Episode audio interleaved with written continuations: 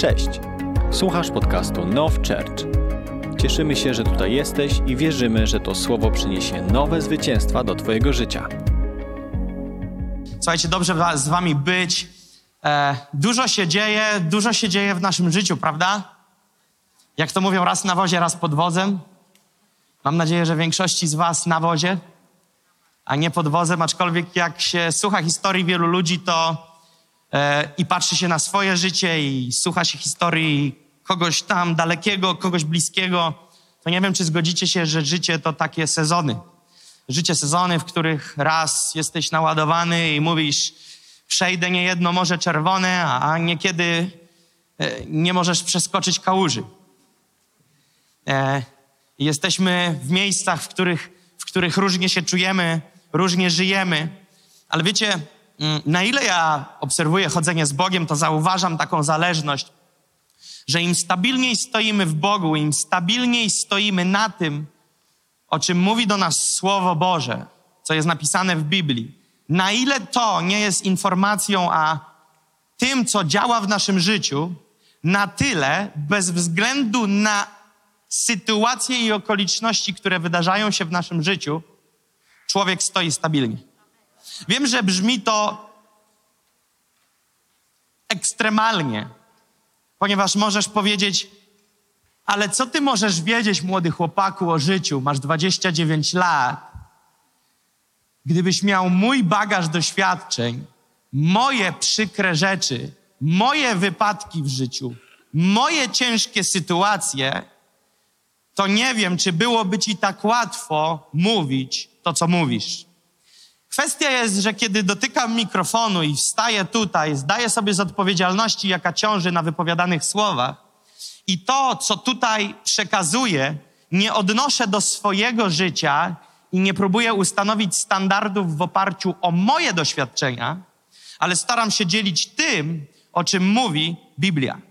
I Biblia, na ile ją czytam i na ile ją rozumiem, a staram się robić to coraz bardziej dokładnie, to zauważam tą zależność, że kiedy stoisz stabilnie z Bogiem, z Bogiem, który nie jest informacją, z Bogiem, który nie jest bóstwem w obłokach, ale z Bogiem jako żywym człowiekiem, a jednocześnie Bogiem w Twoim życiu, osobą, jeżeli stoisz z Bogiem jako z osobą w swoim życiu, z jako ojcem, jako przyjacielem w swoim życiu, to wtedy rozmawiamy o tym, że dostępnym i możliwym jest, aby Twoje życie wyglądało inaczej. Twoje życie, w którym nie jesteś ofiarą wiatru i okoliczności, który przychodzi do Twojego życia, ale jesteś człowiekiem, który poprzez Boga w Twoim życiu panuje nad sytuacją. Wiecie, ponieważ ty i ja, jeżeli zrozumiesz tą prostą zasadę, to powinno ci się albo zrobić nieprzyjemnie, albo poczuć ulgę. Są tylko dwie opcje. Więc posłuchaj tego. Musimy się zgodzić z tym, że ty i ja nie mamy wpływu na okoliczności. Jeżeli powiesz mi, że masz wpływ na zewnętrzne okoliczności i sytuacje, które spotykają twoje życie, chcę z tobą zamieszkać. Przeprowadzę się z moją żoną i dziećmi do ciebie albo ty do nas ponieważ jesteś gigantem. Nikt z nas nie jest w stanie zapanować nad zewnętrznymi okolicznościami i zdecydować, które do nas dochodzą, a które nie. Nikt z nas. Ponieważ żyjemy na tej ziemi, żyjemy na tym świecie, w którym okoliczności i wydarzenia są nieprzyjemne. I teraz, kiedy kiedykolwiek słyszałeś lub słyszałaś historię, którą ktoś ci opowiedział, wierzę w nie, nie w złej wierze, ale wynikało to prawdopodobnie z braku świadomości i zrozumienia Bożej prawdy, Bożego Słowa, tego, co jest napisane w Biblii. Jeżeli kto kiedykolwiek ci powiedział, zacznij chodzić z Bogiem, a problemy się skończą, to opowiedział ci jakąś bajkę dla dzieci. Ponieważ Biblia nigdy nie mówi, że skończą się problemy w Twoim życiu. Biblia mówi, że kiedy zaczniesz chodzić z Bogiem, to w Jego mocy i w Jego osobie i w Jego pomocy jesteś w stanie przeciwstawić się i zwyciężać i być niepokonaną i niepokonanym podczas tych sytuacji, okoliczności i momentów, które do ciebie wpływ, wpływają do twojego życia. Osoby wierzące, chodzące z Bogiem, jak i niewierzące, niechodzące z Bogiem, mają to samo powietrze i chodzą po tej samej ziemi. Więc te same problemy i te same sytuacje i te same ataki są nad ludźmi chodzącymi z Bogiem i nad ludźmi niechodzącymi z Bogiem. Kwestia rozchodzi się o to, czy jako osoby wierzące jesteśmy w tym miejscu chodzenia z Bogiem, że rozumiemy, że w Bogu dana jest nam moc do tego, aby przezwyciężać sytuację. Więc chcę Cię zachęcić, żebyś, e, żebyś nigdy nie myślała i nie myślał w tych kategoriach, że komuś jest łatwiej, komuś jest trudniej. Ponieważ wszystkich nas diabeł tak samo nienawidzi. I wszystkim nam tak samo źle życzy. Nie boję się powiedzieć czegoś, czego prawdopodobnie wielu z Was by się nie spodziewało, że usłyszy. Że ataki diabelskie zaczynają być wzmożone nad człowiekiem, który zaczyna chodzić z Bogiem. Wielu ludzi myśli, że diabeł to bije tych, którzy chodzą bez Boga i napiera więcej na tych, którzy chodzą bez Boga, a jeżeli chodzisz z Bogiem, to diabeł już mówi: OK, tego straciłem, więc odpuszczam. Nic bardziej mylnego. Tym bardziej diabeł dokręca śrubę nad tobą, jeżeli wychodzisz do życia z Bogiem, ponieważ on chce jak najszybciej cię zneutralizować, zatrzymać, sparaliżować, abyś nigdy nie dorosła i nie dorósł do wymiaru dojrzałego chrześcijanina, ponieważ diabeł wie, że kiedy dorośniesz do wymiaru dojrzałego wierzącego, wtedy stajesz się niebezpieczny dla królestwa ciemności.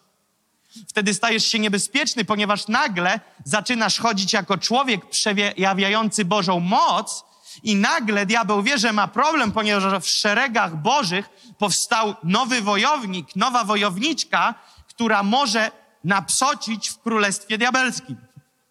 Więc tak naprawdę, jeżeli myślałeś, myślałaś tymi kategoriami, że diabeł mnie nie lubi ponad stan, a tych z Bogiem to tak y, odpuścił, to właśnie myślałaś odwrotnie. Ponieważ diabeł bardzo mnie, tak samo jak innych niewierzących, nie lubi, ale mnie chce zabić specyficznie. Nie tylko mnie, ale tych, którzy chodzą z Bogiem i chcą coś dla niego robić, ponieważ diabeł wie, że taki człowiek jest dla niego przeszkodą. Jeżeli ktoś żyje bez Boga, to diabeł ma go w kieszeni. Wygrał go, po prostu go ma. Ten człowiek nie ma żadnej mocy siły sprawczej, nie chodzi w mocy Bożej, nie chodzi z Duchem Świętym, więc nie ma żadnej władzy nad swoim życiem i jest po prostu ofiarą. Diabeł nie musi się zbyt mocno wytężać i wyrężać, yy, yy, po prostu się wysilać, żeby zniszczyć swoje życie. Twoje życie jest jedną wielką porażką. Już. Już, już to jest. I on nie musi się wiele starać, po prostu okoliczności, które są wokoło, biją takiego człowieka po głowie i jest po człowieku. Natomiast kiedy ty wychodzisz z tego i zaczynasz chodzić w Bożej mocy, wtedy diabeł przykręca śrubę nad tobą, ale jest w pozycji przegranej. Ponieważ, widzisz, jeżeli zrobimy test, weźmiemy tira z pełną naczepą, z pełnym obładowaniem, i rozpędzimy go do 100 km na godzinę, a z drugiej strony naprzeciwko wyjedzie dziecko na rowerze, to zgadnij, kto wyjdzie z tego pojedynku zwycięsko, a kto jako porażka. Z tego dziecka i tego rowerka nic nie zostanie. To było niefortunne i nieoddające proporcji porównanie do tego, jak bardzo Bóg jest ponad diabłem i ma go pod nogami. Znacznie więcej. Tu w ogóle nie ma pojedynku. Nie ma pojedynku. I kiedy zaczynasz chodzić z Bogiem, wtedy to działanie Boże jest w Twoim życiu i na ile pozwolisz Bogu działać, na tyle ta moc wszechmocnego jest w stanie wypierać moc wroga, która zaciska pętlę nad Twoim życiem, nad Twoją szyją. Prosta zasada. I widzicie, chciałem dziś, to w ogóle tego miało nie być, to tak po drodze. Wiecie, chciałem przeczytać kilka wersetów na początek i jeszcze tylko przypomnieć wam, zapisałem sobie, gdybym nie zapisał, to bym tego wam nie powiedział, że 19 i 20 sierpnia, czyli już za chwilę, mamy ekstremalnie ważne wydarzenie. Jak wiecie, mamy wydarzenie Czas Poruszenia Vol 2, ale nie chodzi o wydarzenie, a co na tym wydarzeniu będzie. Ponieważ będzie z nami usługiwał pastor Leszek, ale ja też będę chciał na tym wydarzeniu poprowadzić serię, więc to już wiecie, że będzie więcej niż jedna sesja, serię nauczania, którą zatytułowałem, uwaga, prawdziwa przemiana prowadząca do owocnego życia dziecka Bożego. Więc będziemy rozmawiać o praktyce, nie o jakichś informacjach. Tylko dlaczego w życiu człowieka nie ma efektów, nie ma rezultatów, nie ma tego, o czym się czyta. Czyta się o historiach, czyta się o, o różnych bożych działaniach, słucha się w kościele kazań o tym, jak Bóg działa. Chcę, żeby Bóg działał, ale nie działa. Więc będę chciał na tym wydarzeniu mówić, dlaczego to nie działa i co zrobić, żeby działało. Więc brzmi dobrze. Więc zachęcam Was, żebyście byli. Powodem, dla którego nie poruszam to w niedzielę, jest to, żebyście nie poszli na obiad ponieważ potrzebuje więcej czasu. Więc ta konferencja będzie świetną platformą do tego, aby to zrobić. Więc zachęcam, żebyście koniecznie byli. Wewnętrznie dla Kościoła jest to jako takie seminarium, e, ale niczym się to nie będzie od konferencji różniło, oprócz tego, że będzie cykl nauczania. Więc zachęcam Was, abyście byli. Więc słuchajcie, otwórzmy Biblię, jeżeli możecie. Jeżeli nie macie Biblii, bo załóżmy zapomnieliście, bo oczywiście każdy wierzący ma Biblię w domu, tak? Ale załóżmy, że nie macie, więc będziemy mieli na ekranie. Słuchajcie, Ewangelia Świętego Mateusza, siódmy rozdział, od 13 do 14 wersetu. Ewangelia Mateusza 7, 13, 14. Generalnie to nie uwierzę, jeżeli ktoś kiedykolwiek tego wersetu nie słyszał. Przeczytamy to sobie, te dwa wersety. Wchodźcie przez ciasną bramę, albowiem szeroka jest brama i przestronna droga, która wiedzie na zatracenie, a wielu jest takich, którzy przez nią wchodzą. A ciasna jest brama i wąska droga, która prowadzi do żywota, i niewielu jest tych, którzy ją znajdują. Okay? znany fragment w Biblii. Nieważne jaka denominacja, nieważne jaka wiara, jak to się mówi, w każdym kościele to nieraz cytowali. Cytowali nieraz dlatego, ponieważ to są słowa samego, samego Jezusa. Więc to są słowa, zostawmy to, niech to tam się wyświetla. E, zobaczcie, że Jezus tu pokazuje kilka rzeczy w tym wersecie, w tych dwóch wersetach. Jedną z charakterystycznych rzeczy dla tych dwóch wersetów jest to, że mowa jest tutaj o dwóch drogach, ok? Pokazuje nam tutaj Jezus wyraźnie, maluje nam system funkcjonowania, w którym są tylko dwie opcje, dwie drogi, dwie możliwości. Nie ma czterech, nie ma trzech, nie ma jednej, są dwie. Są dwie opcje.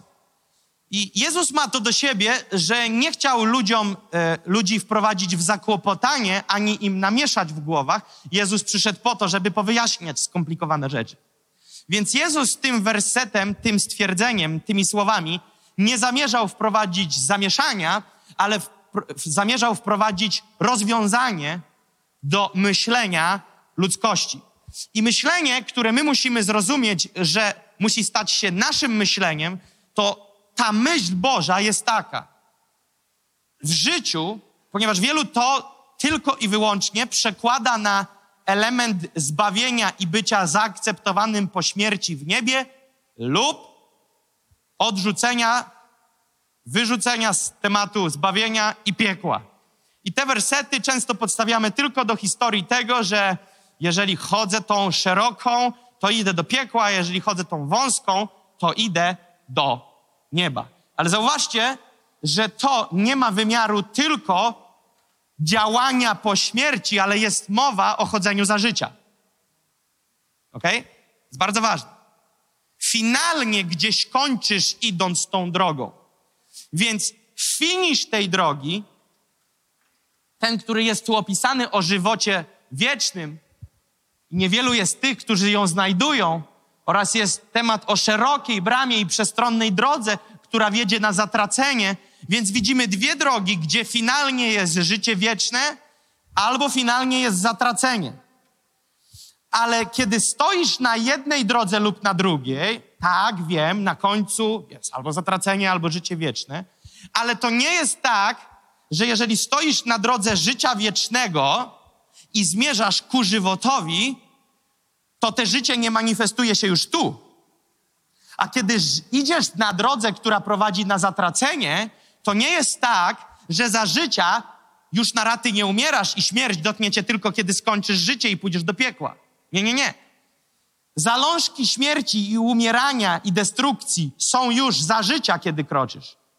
Natomiast kiedy kroczysz po tej drugiej drodze, wąskiej, prowadzącej do żywota, to już za życia, chodząc tu po ziemi, jeszcze chodząc tu po ziemi, już zalążki żywota mają miejsce w Twoim życiu. Więc teraz uwaga, dwie drogi, ok? Kiedy, kiedy nie rozbebłamy tego tematu, kiedy byśmy go nie roztrzęśli i mieli możliwość zobaczyć, co człowiek myśli bez głębszej analizy, co jest w podświadomości człowieka, to gwarantuję wam, że dowiedzielibyśmy się, że większość wierzących ludzi, chrześcijan, uważających się za chrześcijan, którzy funkcjonują na co dzień postrzegają siebie jako osoby wierzące, okazałoby się niewypowiedziany sposób, że w ich podświadomości jest, że oni są na trzeciej drodze. No wiesz, no nie do końca jest to chodzenie z Bogiem, ale też nie żyje jak bezbożnik.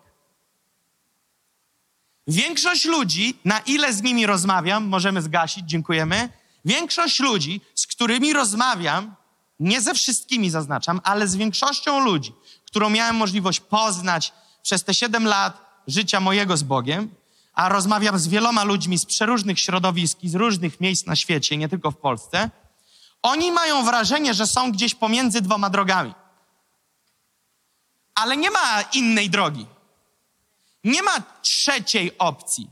Natomiast myślą, że, no wiesz, załóżmy, że to jest podział, tak? Tu jest ta do życia prowadząca, tu jest ta do śmierci. To oni mówią, wiesz co, moje życie to generalnie wygląda tak, jakoś tak.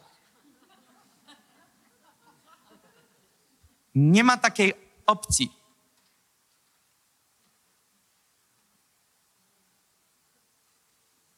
Nie ma chodzenia szpagatem. W danym momencie, posłuchaj tego, w danym momencie, nie mówię o zbawieniu teraz, odcinam się na chwilę od kwestii zbawienia i życia po śmierci.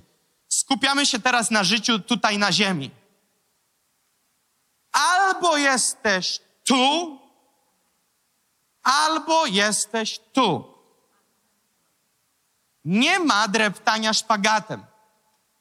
Nie ma pomiędzy, nie ma próżni, nie ma strefy neutralnej. Jest albo to, albo to. Jezus później do uczniów nie poszedł i na zapleczu powiedział: Wiecie, a teraz tylko dla najbliższych jest też trzecia, ale niech nikt nie wie.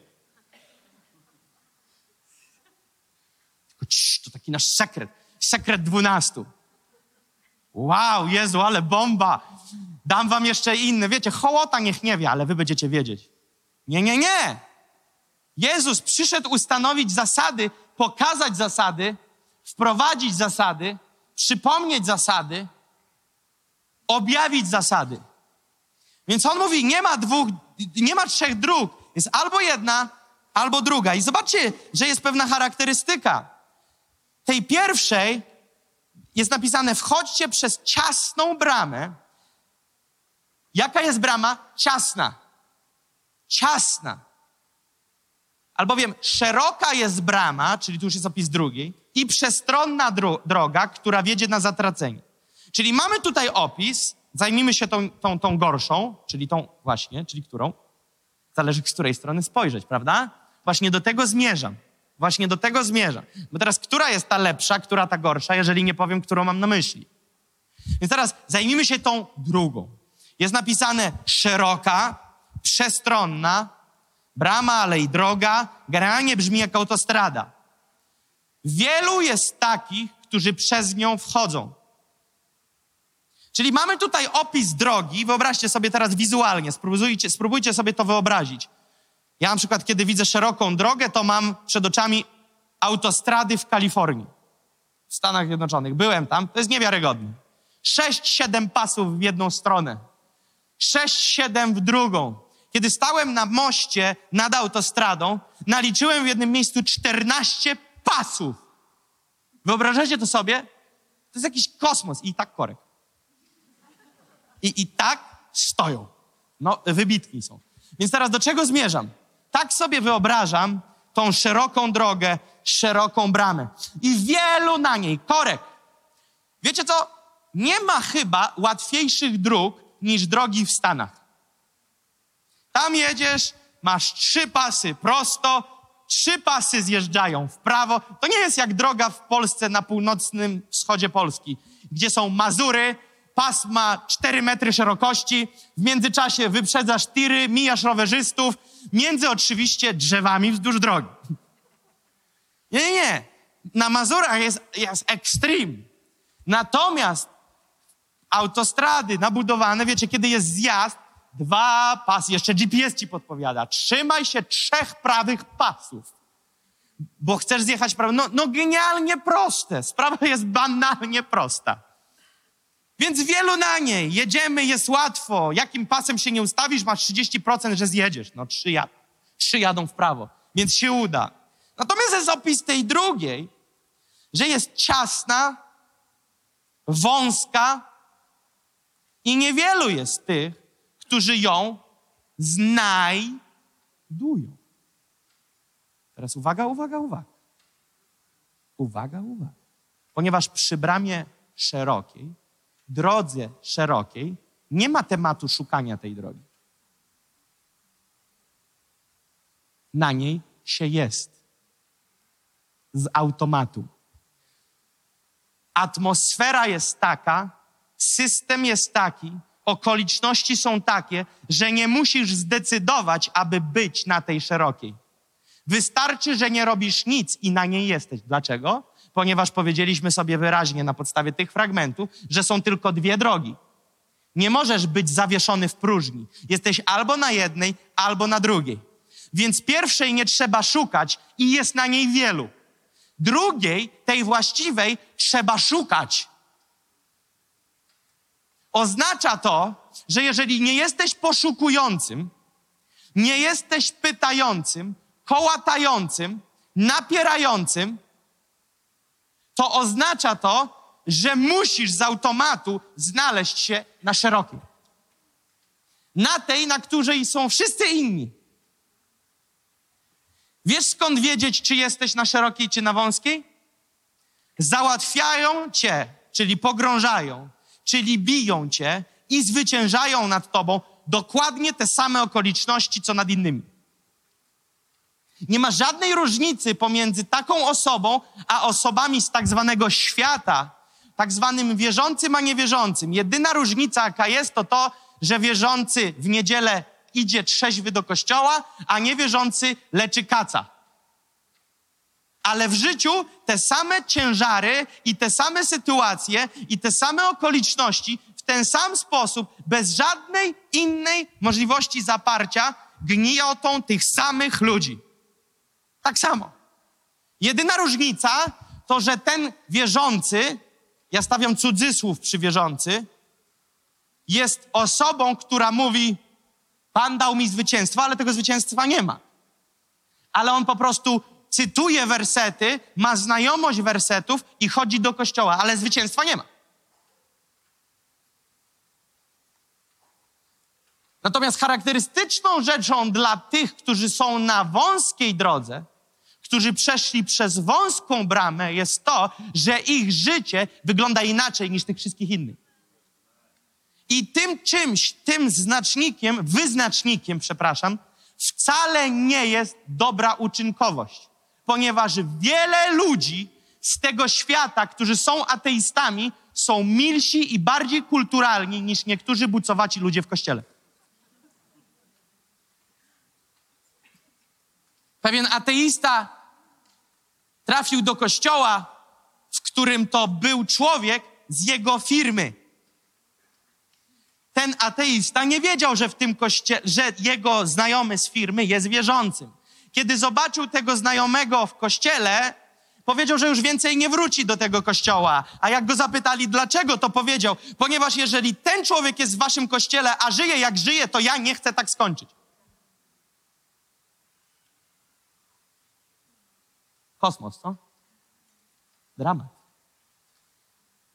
Więc staramy się jedynie nie mówić słowa na K, na H, staramy się bić tak, żeby nie było śladów na żonie mężu, tak? Ale tak naprawdę wielkiej różnicy nie ma. Jedyna różnica to, że w dziesiąta jesteś trzeźwy i dochodzisz do kościoła. Ale nie po tym mają nas poznać, Biblia mówi. Nie po tym. To, że przychodzisz do kościoła, nie jest żadnym wyznacznikiem Twojego chodzenia z Bogiem. Gdzie jest owoc w Twoim życiu? Który oczywiście finalnie, ale nie jako cel, bo jeżeli gonisz to, co teraz powiem, jako cel, to się pogubisz. Celem będzie, że będziesz robił dobre uczynki. Celem będzie, że będziesz milszy. Celem będzie, że będziesz kulturalniejszy. Dobrze to odmieniłem? Trudno wyszło, ale dobrze. Wiecie o co chodzi? Bardziej kulturalny. Więc chodzi o to, że kiedy ty jesteś z Bogiem na tej drodze żywota, to Jego natura staje się Twoją naturą. I wtedy jesteś człowiekiem chodzącym w mocy i chodzącym w zwycięstwie. Więc dziś musimy spojrzeć prawdzie w oczy. To, co staramy się robić tutaj co niedzielę, nie tylko co niedzielę, bo Kościół spotyka się nie tylko w niedzielę.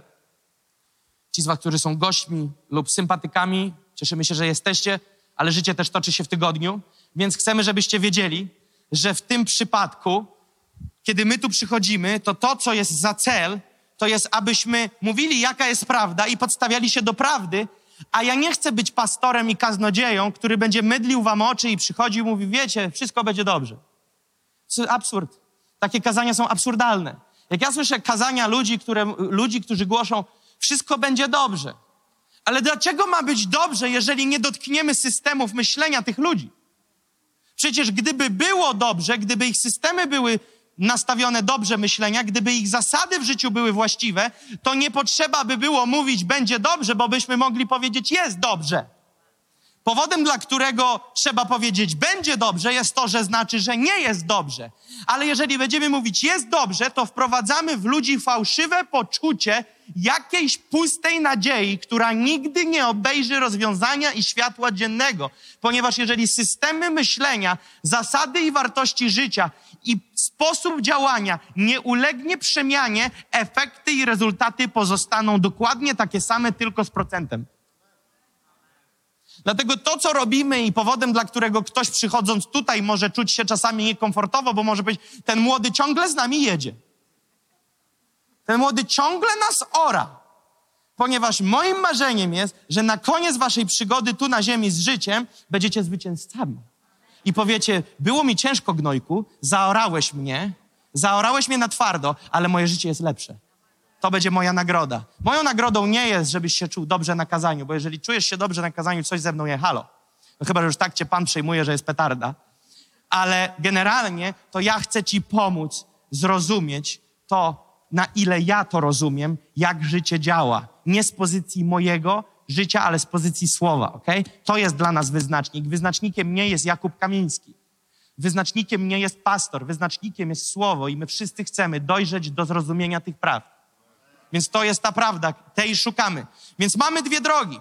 Ale teraz zobaczcie, pójdźmy do innego fragmentu. List świętego Pawła do Galacjan, czwarty rozdział. List świętego Pawła do Galacjan, czwarty rozdział, trzeci werset. Jest bardzo ciekawy fragment tutaj. Paweł pisze tak. Podobnie i my, gdy byliśmy dziećmi, byliśmy poddani w niewolę żywiołów tego świata. Paweł pisze tutaj do osób, do kościoła, do nowonarodzonych. Paweł pisze tutaj do ludzi tak zwanych chrześcijan, wierzących. Używam synonimów ile się da, żebyśmy zrozumieli, o którą grupę chodzi. Paweł nie pisze do bezbożników na mieście, Paweł pisze do zboru, do Galatów, do kościoła, do Galatów. Tam do nich to pisze. I on do nich pisze i mówi tak. Podobnie i my, gdy byliśmy dziećmi, byliśmy poddani w niewolę żywiołów tego świata. Więc Paweł tu sugeruje, trochę owiane to jest tajemnicą i zaraz pomogę nam to wszystko zrozumieć, bo pogrzebałem się trochę w tym wersecie. Paweł tu mówi tak, jak byliśmy dzieciakami, to żywioły tego świata totalnie nami miotały. No ale teraz pytanie, o jakie żywioły chodzi i o, jakie, o jaki sezon dziecięcy chodzi. Ponieważ najpierw zabierzmy się za żywioły, ok? Żywioły. Jak wielu z was wierzy, zanim to rozbie, rozbierzemy, że Pawłowi nie chodzi o to, że kiedy byliście wiekiem dziećmi, to żywioły miały na was wpływ, bo to nie jest podręcznik rodzica. On pisze o duchowych zasadach tutaj, aczkolwiek Biblia też uczy, jak być rodzicem. Ale tutaj wyraźnie Paweł nawiązuje do duchowego człowieka i do duchowej rzeczywistości. Więc jeszcze raz, podobnie i my, więc on się z nimi utożsamia. Co to świadczy? Że nie jest tu kwestia wieku, ale jest tu kwestia my jako wierzący. Kiedy byliśmy dziećmi, więc to było jakiś czas temu, byliśmy poddani, byliśmy skazani na żywioły tego świata. Więc on sugeruje teraz, że teraz tak nie jest. Więc teraz zobaczcie, co się dzieje. Kiedy w naszych Bibliach jest napisane, kiedy byliśmy dziećmi, to w Grece użyte jest słowo nepios. Okay? Ja kiedyś mówiłem, że po polsku Biblię czytać, to, to nie zejdziemy za głęboko, trzeba Grekę ogarnąć i wtedy się rozumie. Ja Greki nie ogarniam, ale grzebię się i wtedy odnajduję sekrety. Więc uwaga, w Grece te słowo, które w Polsce zostało przetłumaczone w naszych Bibliach jako dziećmi, czyli gdy byliśmy dziećmi, w Grece jest użyte słowo nyepyos, nepios. I nepios oznacza bycie dziecinnym, niedojrzałym chrześcijaninem, niewykwalifikowanym. Bum.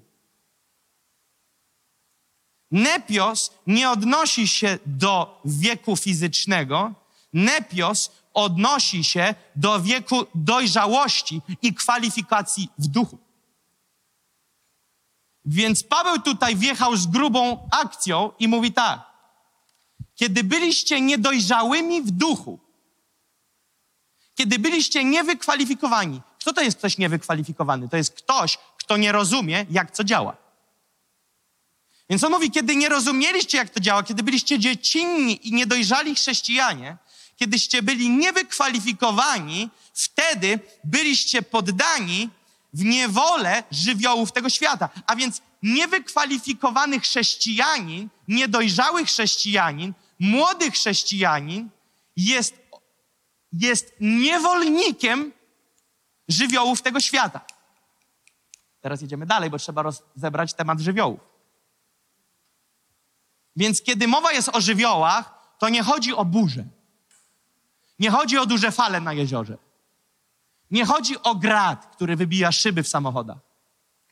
Ale kiedy mowa jest o żywiołach, to tam jest greckie słowo, o kurcze, sto i heion. Przeliteruję. S, T, O, I, C, H, I, O, Ny. Stoi heon, nie mam zielonego pojęcia, jak to się właściwie odmienia i wymawia. To słowo zostało przetłumaczone na nasz język jako żywioły. Ale oryginał to słowo tłumaczy jako zasady i systemy tego świata. O, się robi grubo. Się robi głęboko.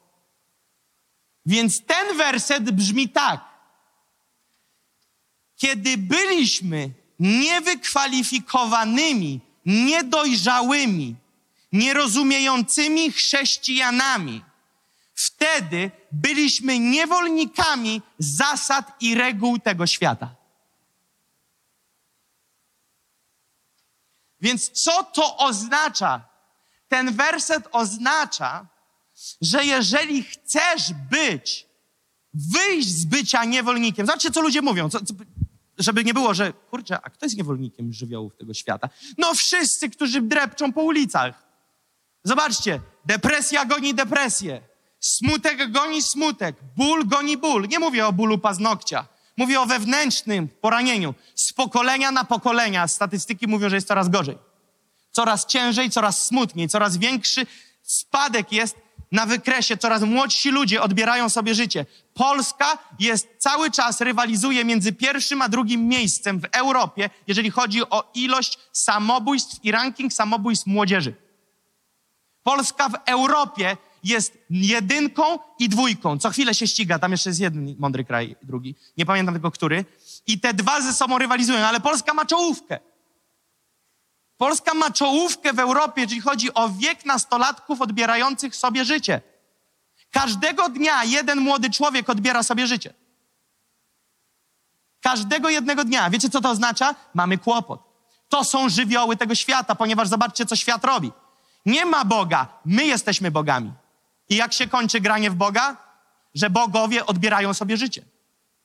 Bo ustanowiliśmy sobie zasady, nikt mi nie będzie mówić, jak będziemy żyć. Zobaczcie, jak ten świat żyje. Nikt mi nie będzie mówić, jak będziemy żyć. Tak naprawdę mówi ci doskonale, jak masz żyć.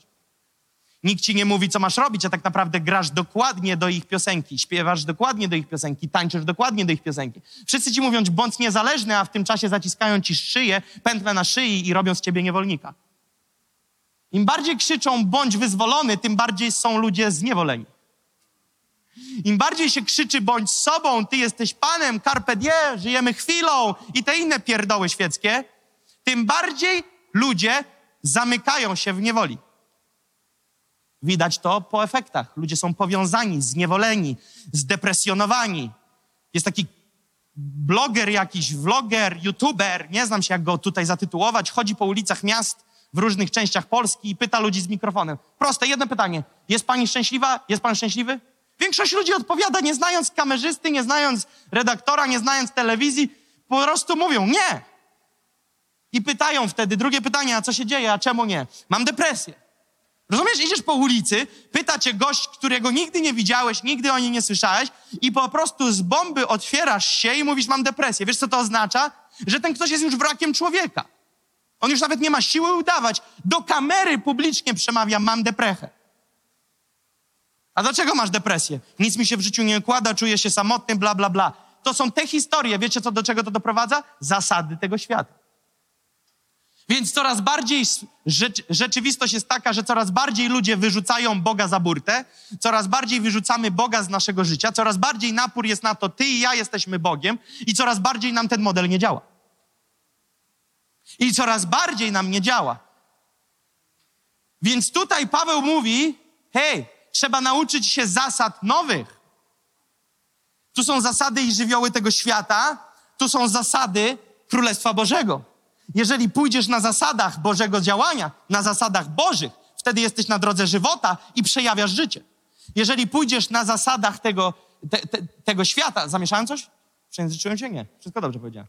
Jeżeli jesteś na drodze żywota i, i idziesz zasadami królestwa, wtedy podążasz stronę życia i manifestujesz życie, bo jesteś i spotykasz się z autorem życia. Kiedy nie żyjesz z Bogiem, idziesz na zatracenie, idziesz na drodze, która prowadzi na zatracenie i przejawiasz zatracenie i im dalej w las, tym więcej porażki w twoim życiu. I zamiast ludzie starsi to fajniejsi, to starsi coraz bardziej wraki. I w ogóle nie mówię o zdrowiu. Im starszy, tym gorzej. Nie znam zbyt wielu młodych ludzi, którzy by powiedzieli, chcę być jak mój dziadek. Chcę być jak mój tata. I w ogóle nie chodzi o umiejętności i zdolności. Chodzi o postawę przejawiania życia. Nie chodzi o to, czy umiał spawać, czy latał samolotem. Nie o to chodzi. Chodzi o to, że fajny facet, czy nie fajny? Fajna babka z tej mamy, czy nie fajna? Którzy dziś powiedzą, nie mówię o pięciolatkach, bo wiesz, dla pięciolatka to alkoholik jest wzorem.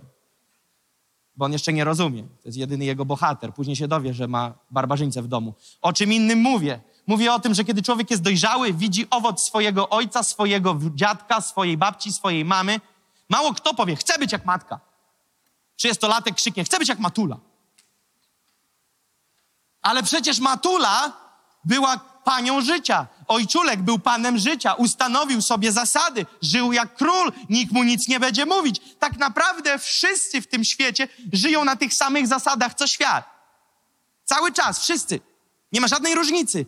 Tylko się lista sreberka zmienia. Po prostu sreberko niekiedy błyszczy tym kolorem, a inne tym kolorem, ale pod sreberkiem te same szambo. I wszyscy kończą w tym samym szambie, tylko z pokolenia na pokolenie z nawiązką, chciałbym dodać. Więc teraz Paweł mówi, hej, hej, hej, hola, hola, jest nowa droga, ale potrzeba poznać te zasady. Dlaczego człowiek niewykwalifikowany, dlaczego ten młody wierzący musi być w niewoli żywiołów tego świata? Poddał się Chrystusowi, oddał życie Jezusowi, powiedział, Boże, wyznaję Cię moim Panem i Zbawicielem, ale dalej brak efektów w jego życiu, ponieważ dalej nie zna zasad. Uwierzył, że Bóg może być jego Panem, uwierzył, że Bóg może być jego królem, wyznał go jako swojego maestro, ale zasady się nie zmieniły. Te same priorytety, te same cele, te same marzenia, te same systemy myślenia. Wszystko to samo. Tylko teraz do tego dołożył Boga, a to nie tak. A to nie tak. Ponieważ sprawa wygląda tak, kiedy przychodzisz do Boga, to zmieniasz system myślenia. Ale żeby zmienić system myślenia, musisz poznać zasady. Jak poznać? No, ktoś powie mądre słowo. No dobrze, no ale ja znam wielu ludzi, którzy słuchają i nie rozumieją. Czytają i nie rozumieją. Pamiętacie temat? Czy rozumiesz, co czytasz? A ten mu odpowiada, jak mam rozumieć, jak nikt mi nie wyłożył. Więc dlatego Bóg ustanowił model nauczycieli pisma, model pięciorakiej służby, model pastorsko-apostolski, pas, pasterz, apostoł, znacie pięcioraką służbę, Efezjan 4, 11, 12. Apostołowie, prorocy, nauczyciele, pasterze, ewangeliści. Po co? Żeby wyposażać, żeby uczyć. I żeby ci, którzy się nauczą, uczyli innych. Po to to jest. Żebyśmy sobie tłumaczyli, żebyśmy sobie wyjaśniali.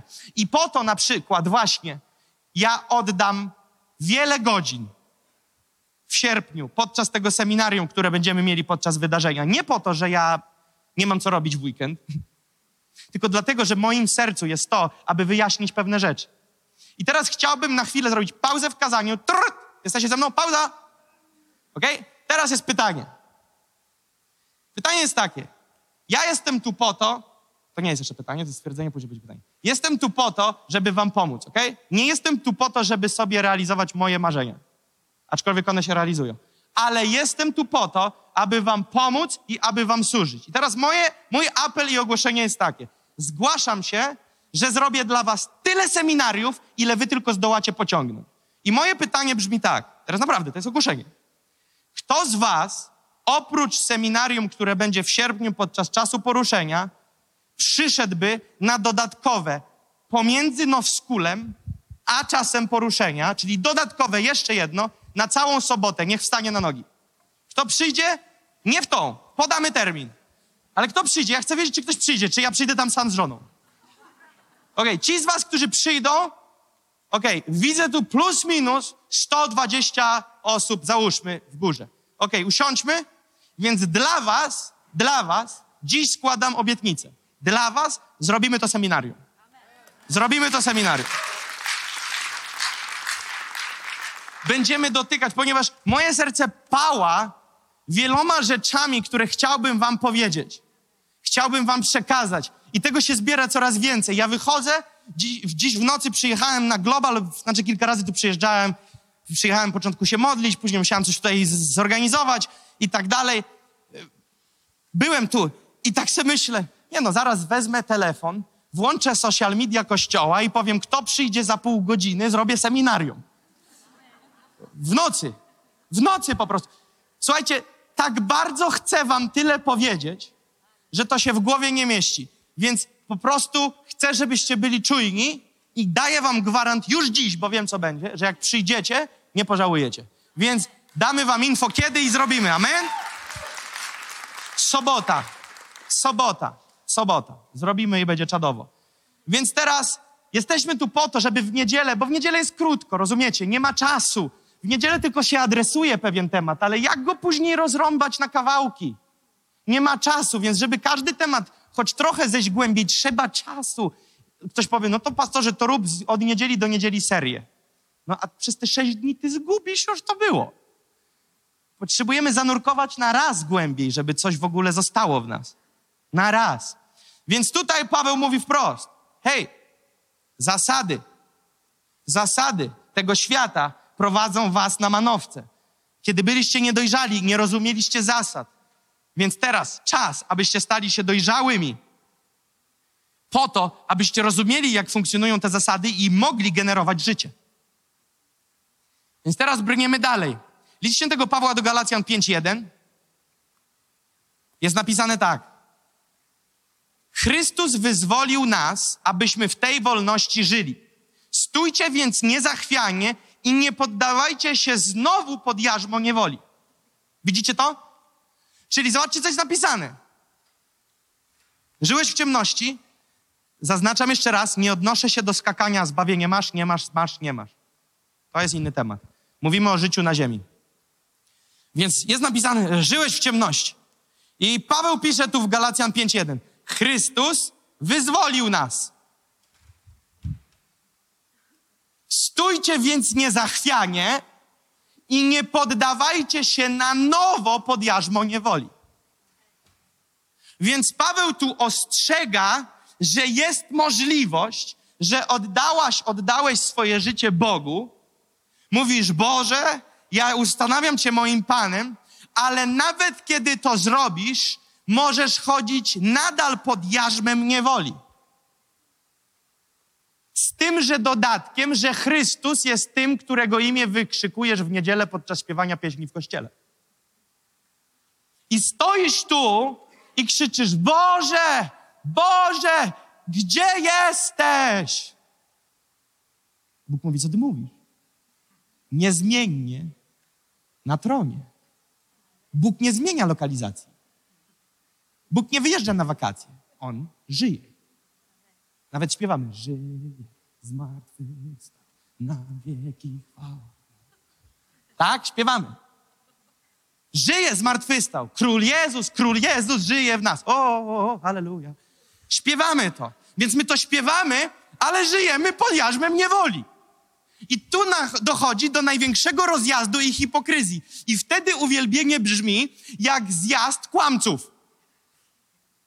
Bo śpiewasz z pozycji bycia bitym niewolnikiem, żyje, zmart, ale boli, ale zmartwychwstał, ale boli, na wieki, chwała mu, Panie, zlituj się. Taki remix. Taka edycja specjalna, edycja zimnego chrześcijanina. Boli, jest smutno, Panie, zlituj się. Rozumiecie, o co chodzi? I krzyczymy i obwiniamy Boga, Boże, dlaczego? Ale Biblia mówi tak, źle. I zobaczcie, kiedy nie masz prawdy Słowa Bożego, zaczynasz tworzyć własne dogmaty. Zaczynasz tworzyć własne toki myślenia i, i dostosowujesz do nich Boga, a to nie tak. To my się mamy dostosować do Boga. Więc Bóg mówi tak, panie i panowie, Chrystus was wyzwolił. Zostaliście wyrwani. Jesteście tu. Ale po tym akcie, kiedy On to zrobił, pilnujcie się. Chodź w dyscyplinie, ponieważ jeśli nie, na nowo staniesz się niewolnikiem jarzma niewoli. Jarzmo na ciebie będzie wjeżdżać. Zobaczcie, to co powiedziałem. Wystarczy, że nie szukasz, wersety wcześniejsze, i znajdujesz się na drodze szerokiej. Teraz podbijamy poprzeczkę. Wystarczy, że się nie pilnujesz i znajdujesz się na drodze pod jarzmem niewoli. Co zaczyna wam się krystalizować? Dyscyplina życia. Ale nie, no to miało być tak lekko, wiatr w żagle. A który werset do Herezjan tak mówi? Nie ma takiego wersetu.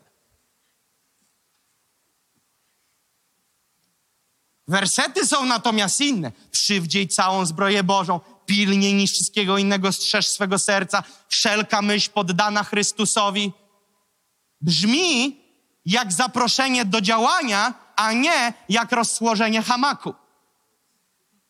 A wierzący mówią, wczoraj oddałem życie Panu, więc Panie błogosław.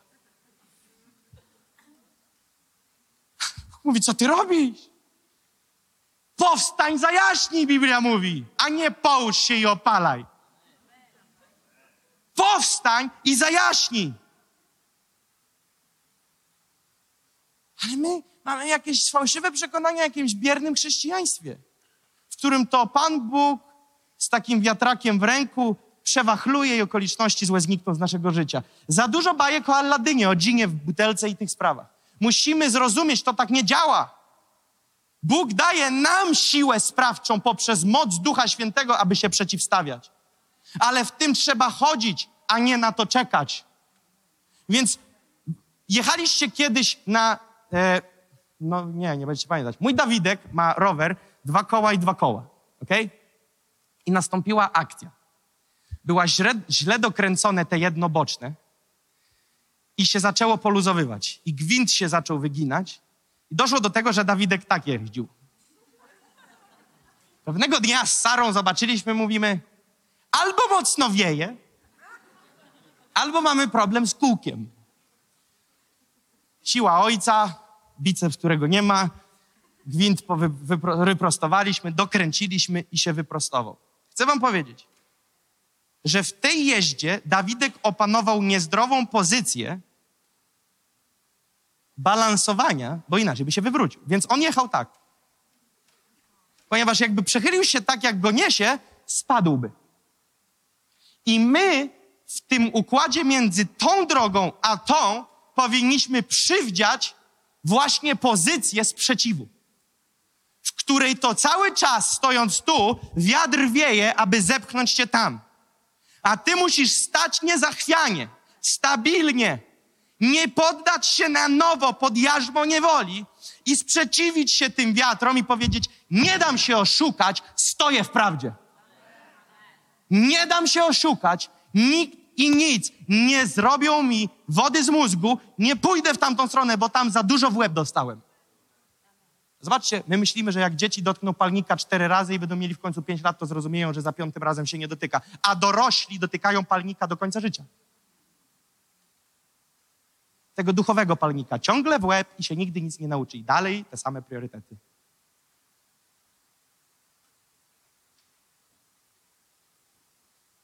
Więc Paweł ostrzega. Temat jest załatwiony. Macie tą pozycję. Ale pilnuj i nie strać, bo skończysz tam. I później z tej pozycji będziesz krzyczał: Bóg jest dobry. No ale nie widać w Twoim życiu, więc nie krzycz dobry, no bo, bo Ty nawet Jego dobroci nie zakosztowałeś. Wejdź na drogę, którą On wskazał, zacznij chodzić Jego ścieżkami i wtedy dobroć odbierzesz, zrozumiesz i zobaczysz. Biblia mówi: skosztuj i zobacz, jak dobry jest Pan. A nie, zamknij oczy i wykrzycz: Dobry jest Pan. Skosztuj i zobacz, że dobry jest Pan.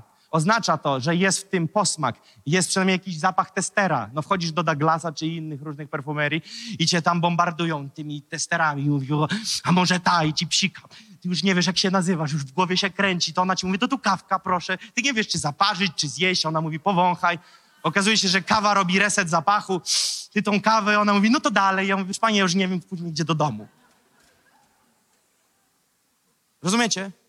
Musimy żyć w rzeczywistości a, i nie dać się ogłupić. Więc teraz już jestem blisko końca pierwszej części. Nie, nie, ja, ja, ja zobaczę, że będzie. Zobaczę, że będzie za długo skończę. Będę w, przed lustrem w, w domu głosił. Bo to dokończyć będę musiał. Albo dla was, albo sam. Więc słuchajcie teraz.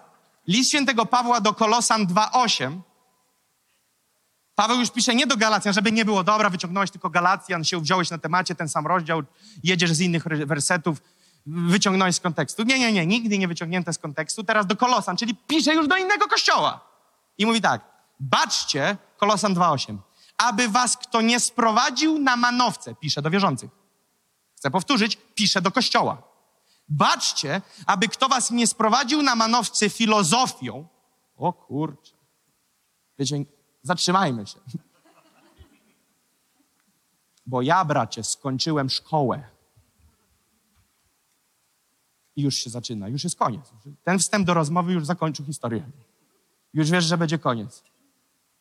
Ponieważ ja studiowałem grekę, to czadowo. Ja miałem w szkole angielski. Filozofowie. Oni wszystko wiedzą, tylko nic nie działa.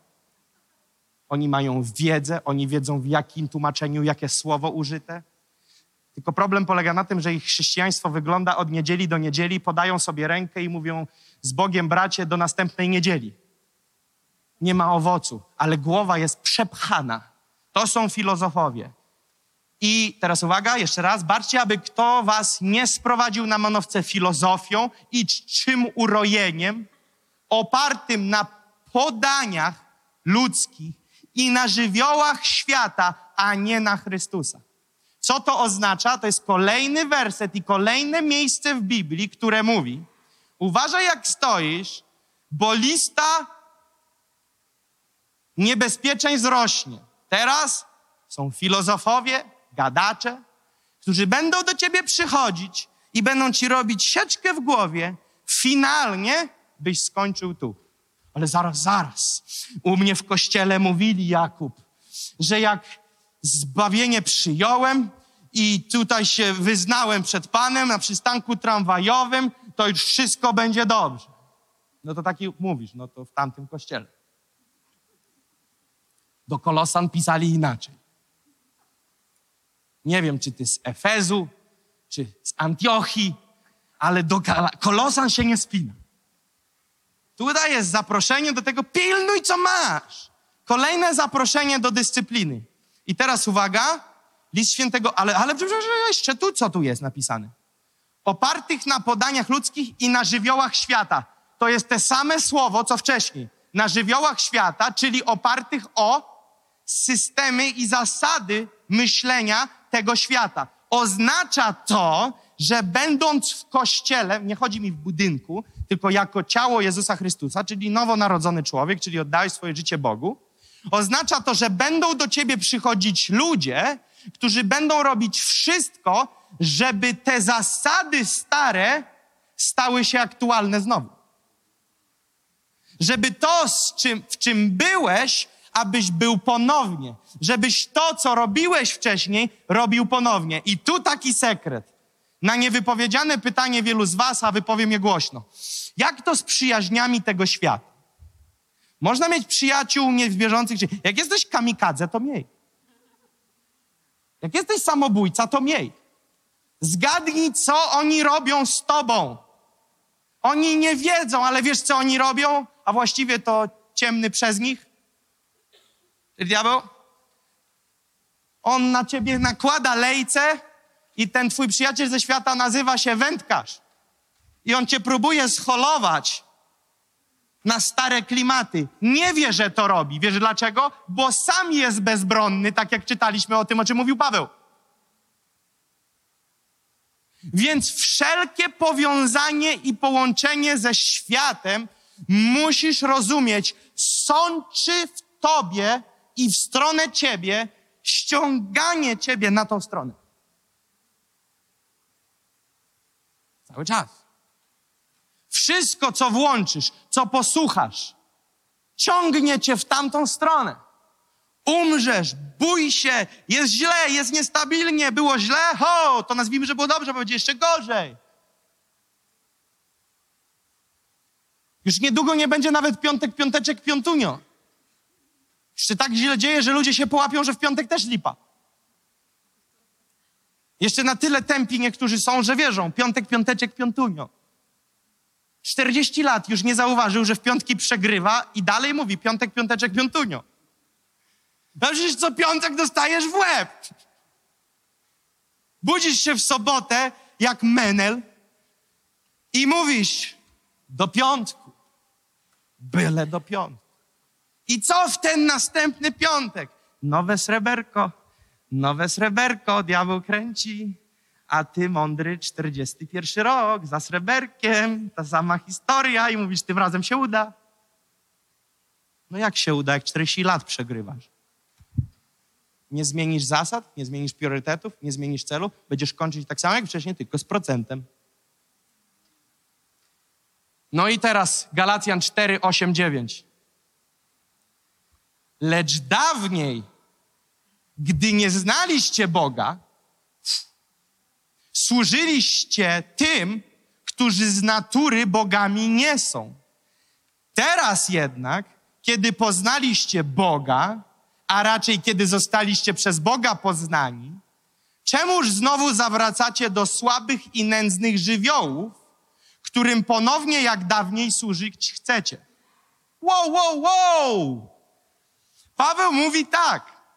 Kiedy nie służyłeś Bogu, służyłeś komuś innemu. Nie, ja nikomu, ja na tej trzeciej drodze. Halo, halo, Houston, mamy problem. Nie ma trzeciej drogi.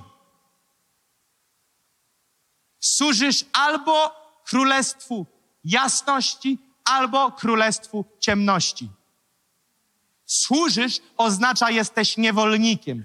Niewolnik oznacza poddanego zasadom temu, królestwu. Albo jesteś niewolnikiem Chrystusa, teraz za, zaczyna nabierać to dobrego s- s- smaku ten wyraz, prawda? Ponieważ nie możesz być, nie możesz nie być niewolnikiem. Albo jesteś niewolnikiem Boga, albo jesteś niewolnikiem. No kogo? Powiedzcie mi to. Gdzie tam od razu diabła, tak źle od razu? Tam coś musi być po drodze. Tam nie ma nic po drodze.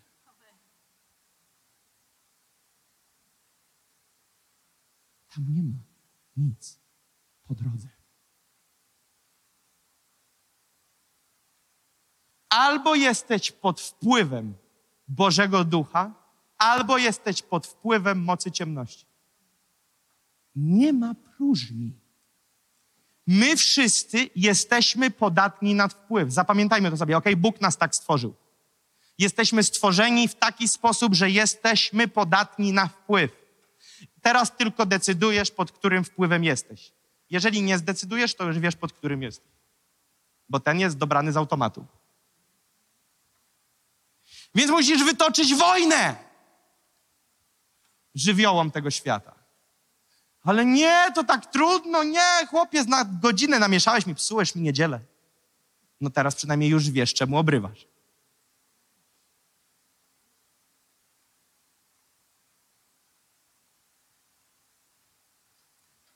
Lecz dawniej, gdy nie znaliście Boga, służyliście tym, którzy z natury bogami nie są. Czyli byłeś dalej w służbie, w służbie całe życie.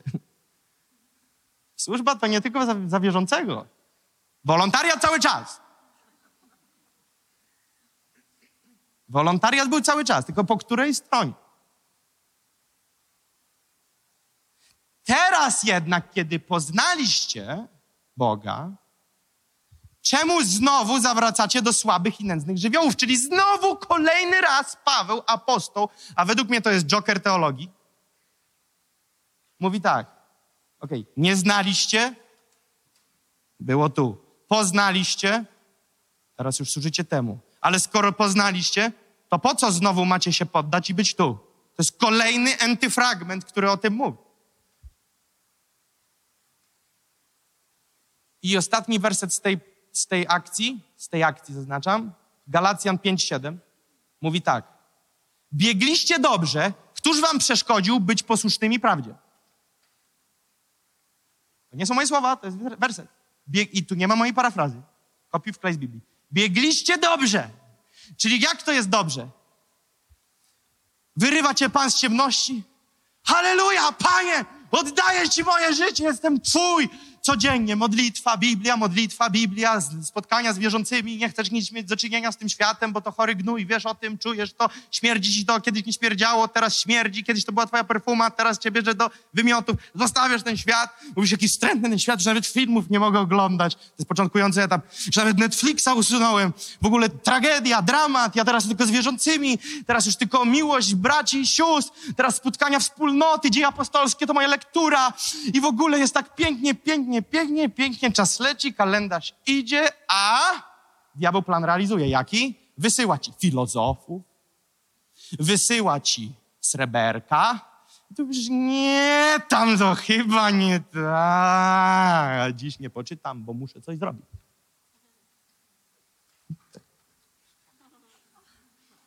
Fu, jak ja mogłem tam żyć?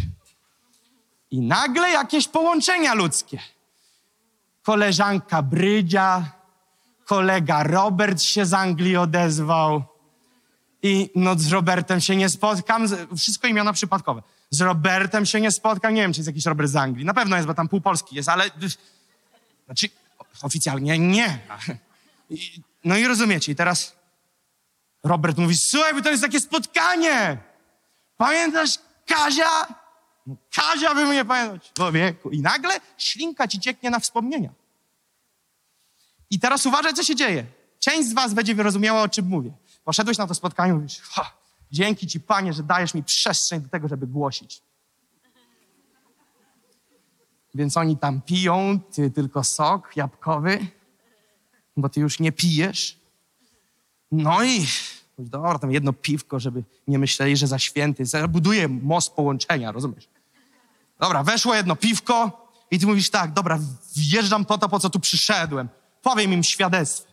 Ale ty opowiadasz tak świadectwo, że ten czarny etap twojego życia, który opowiadasz ze świadectwem, tam jest moc. Ty to dobrze wspominasz. Włącza się, wiecie o co chodzi? Włącza się, kiedy mówisz o tym, co było. Niektórzy z Was powiedziałem, że będą wiedzieli, o czym mówię. Włącza ci się w stare wspomnienie, te fikcyjne, i nagle opowiadając tą historię, odkrywasz, że nie mówisz z obrzydzeniem.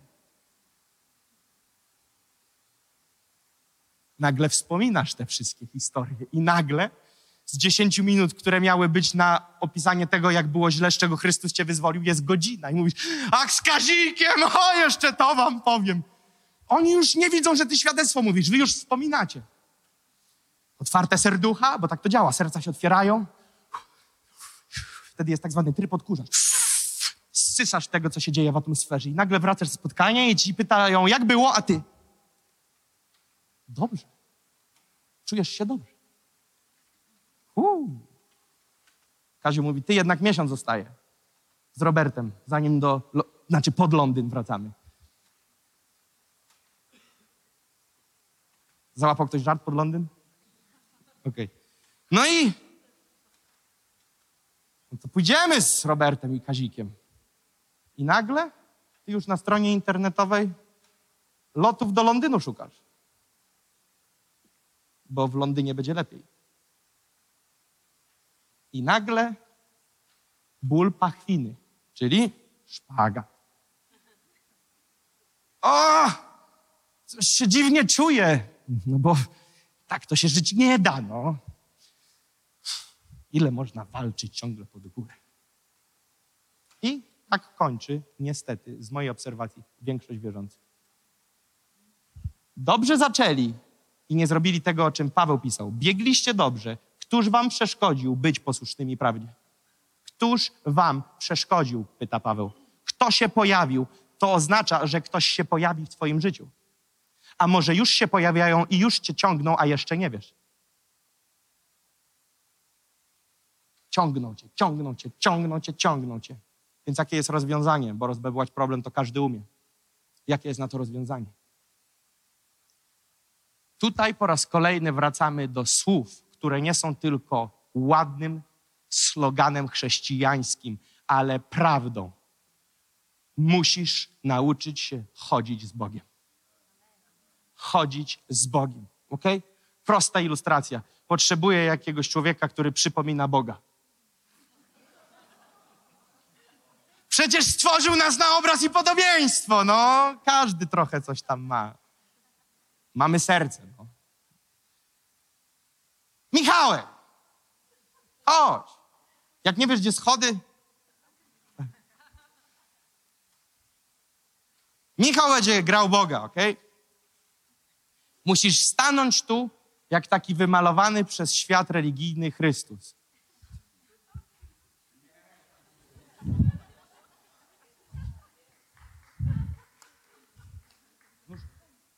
Ukrzyżowany. I teraz przychodzisz do kościoła, to jest... Gwóźdź tak był. Jak nie dasz rady, zmień nogę albo na całe, dobra? I przychodzisz do kościoła, a ci w kościele jakiś nagrzany pozytywnie kaznodzieja mówi poznaj króla królów, pana panów, Chrystusa, a on zmieni twoje życie. I ty mówisz, kurczę, no w końcu szukam tej zmiany od wielu lat, może to mój dzień. Więc kaznodzieja mówi, przyjdź do przodu, jeżeli chcesz pojednać się z Panem. Biegną, po, po, stratowali dzieci, kobiety leżą, mężczyźni przebiegli po ich głowach. Są z przodu. Są z przodu. Jest dobrze. Wtedy kaznodzieja mówi, powtórz ze mną. Panie Jezu. Panie Jezu. I ty robisz to szczerze. Kaznodzieja robi to szczerze. Wszyscy robią to szczerze. Amen, oddałem swoje życie Jezusowi. Wtedy ci mówią, oddałeś swoje życie Jezusowi? Ty mówisz, amen. No i wracasz. Teraz wiesz, jakiemu Jezusowi oddałeś? Tamtemu. Dobra, nogi bolą, tak? Załatwimy karnet. na jakiś trening.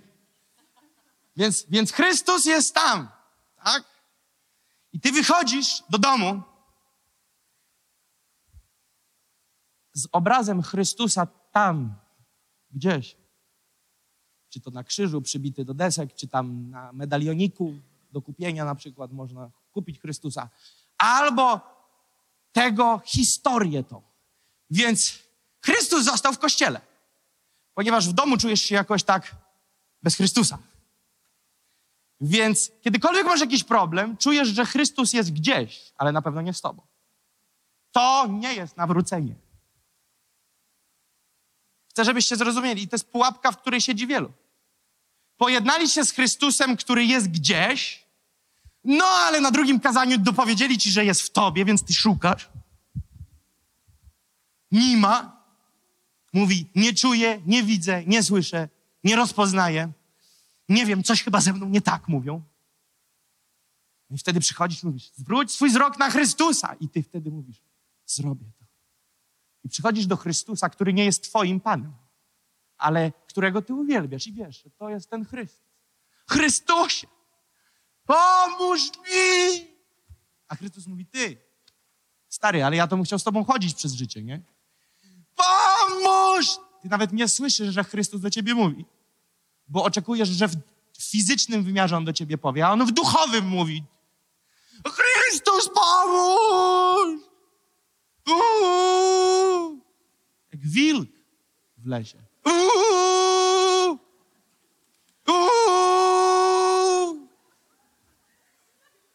Nabożeństwo się skończyło. I do domu. I w domu. Ale teraz powiem ci, czym jest prawdziwe chrześcijaństwo. Nie ma już więcej. Tylko tym razem. Królu, ja sam nie ogarnę. Potrzebuję Cię w moim życiu w każdej dziedzinie. Idziemy razem. Idziemy razem. I żyjesz z Bogiem. Chodzisz z Bogiem. Chodzisz z Bogiem. Chodzisz z Bogiem. Michałku, wracaj na swoje miejsce. Dzięki. I wiecie, co powinniście powiedzieć, jeżeli byście byli szczerzy? Nic nam to nie wyjaśniło.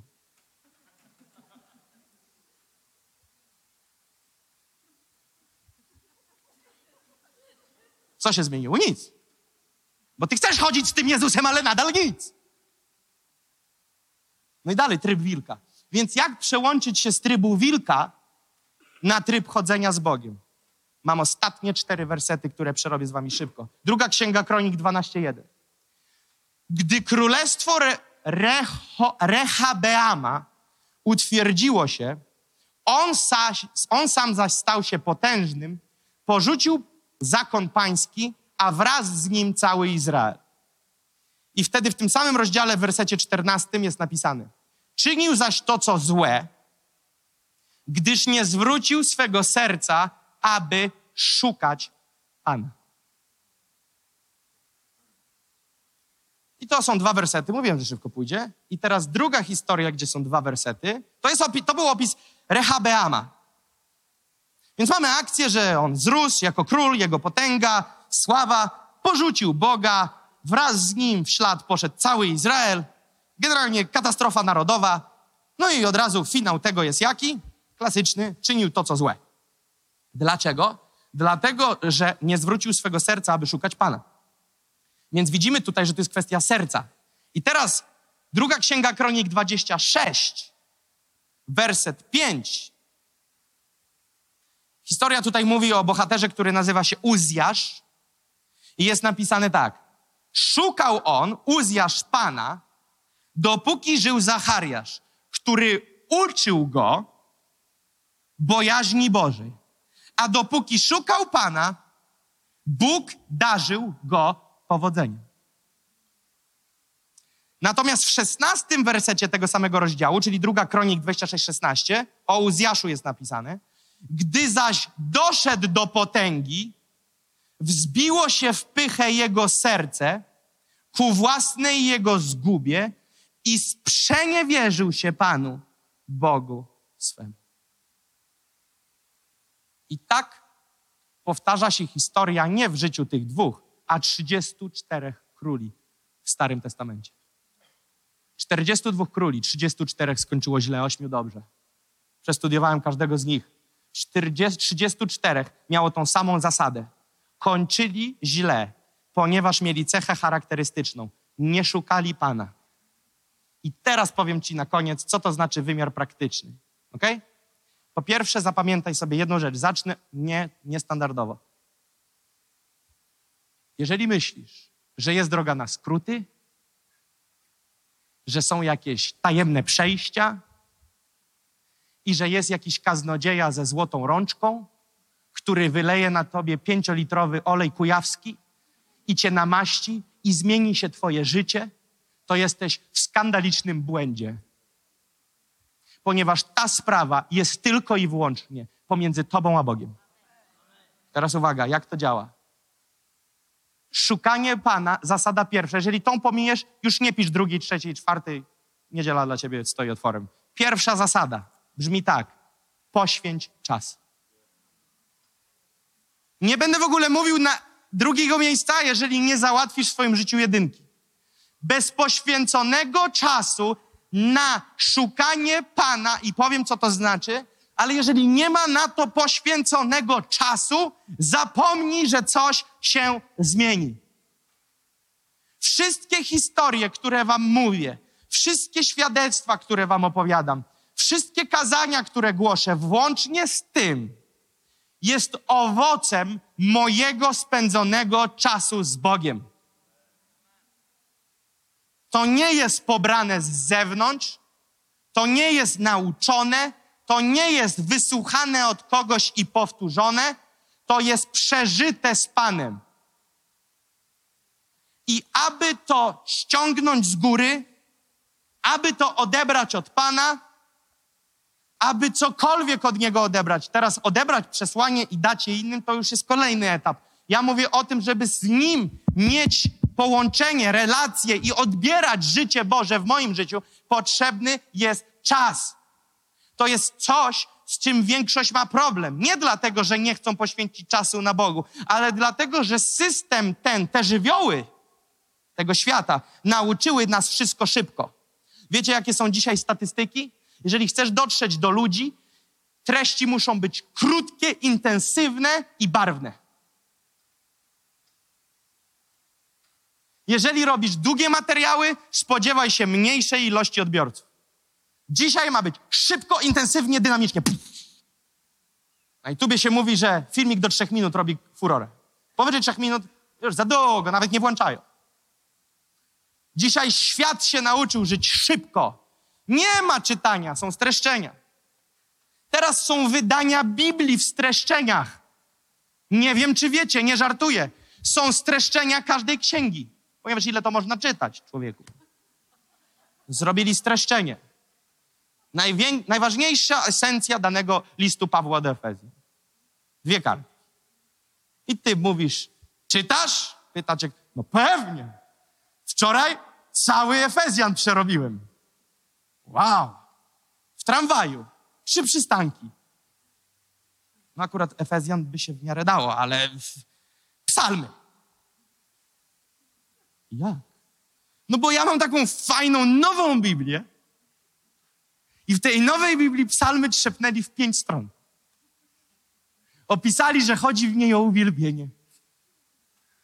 I że psalmista kocha Pana, a Pan to odwzajemnia. Wow! Prawdopodobnie w Twojej Biblii pominęli werset głębia przyzywa głębie. Bo ten werset się nie spina z Twoją Biblią. Bo Ty chcesz wszystko powierzchownie i płytko. Więc jeżeli nie poświęcisz czasu, to zapomnij. O, apostoł Piotr, o, Jan i inni bohaterowie, ale oni dreptali za Jezusem dzień i noc. Oni poświęcili czas.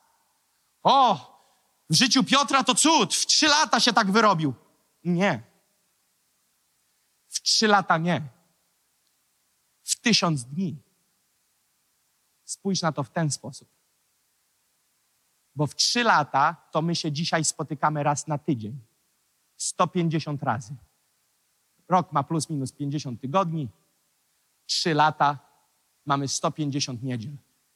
Więc większość kościoła spotka się ze słowem i z nauczaniem 150 razy w 3 lata. Nie patrz na Piotra, który spędził 3 lata. Spędź taki klimat, myśl o Piotrze, spędził tysiąc dni, a nie 150 poranków. Jarek już mi podpowiada, tysiąc ile? 1260. Tysiąc, ponad tysiąc dni. I my chcielibyśmy na skróty, jakaś pigułka, jakaś konferencja pigułkowa najlepiej. Że pakiet Bożego Królestwa nawiedzi moje życie, jak ja przyjdę na weekend.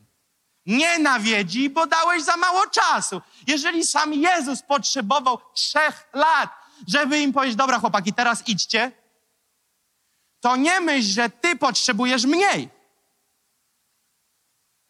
Potrzebujemy przesiąknąć Słowem Bożym. Potrzebujemy przesiąknąć atmosferą Chrystusa. Potrzebujemy przesiąknąć atmosferą Ducha Świętego. Ale dziś, jaki się czuje napór, kiedy prowadzi się Kościół? No powiem wam wprost, te uwielbienia jak przekręca 30 minutę, to już czujesz, że ludzie nagle obserwują nadgarstki.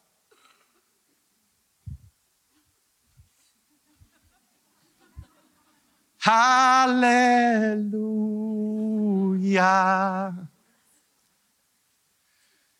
Halleluja.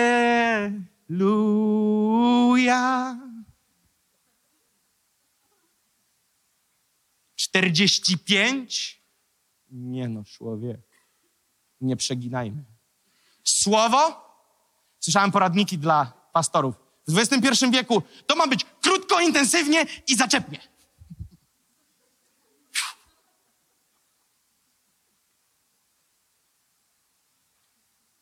Do państwa denominacji nie dołączymy. Krótko, zwięźle i zaczepnie. Brzmi jak Zorro, który robił tą zetkę na ścianie. Jezus nie był krótki, zwięzły i zaczepny. Jezus spędził z nimi czas. Jezus ich uczył i uczył i bombardował ich tymi samymi sprawami. I mówię, Jezu, ale przecież już na ostatniej lekcji to przerobiliśmy. Cicho, chłopie, nic nie umiesz. Słuchaj dalej.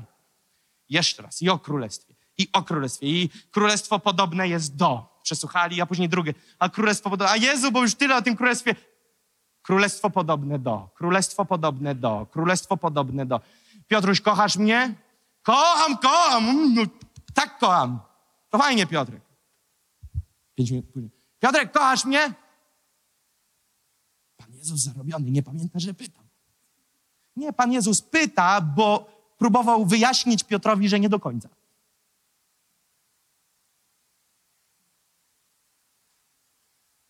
Ale na wyjaśnienie pewnych rzeczy potrzeba czas, czas, czas, czas, czas.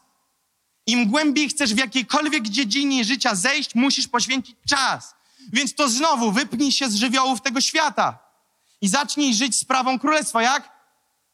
Medytuj nad tym słowem. No wiem, że słowo jest szalone w dzisiejszych czasach, ale tak jest napisane w oryginale. Medytuj, przesiąkaj słowem.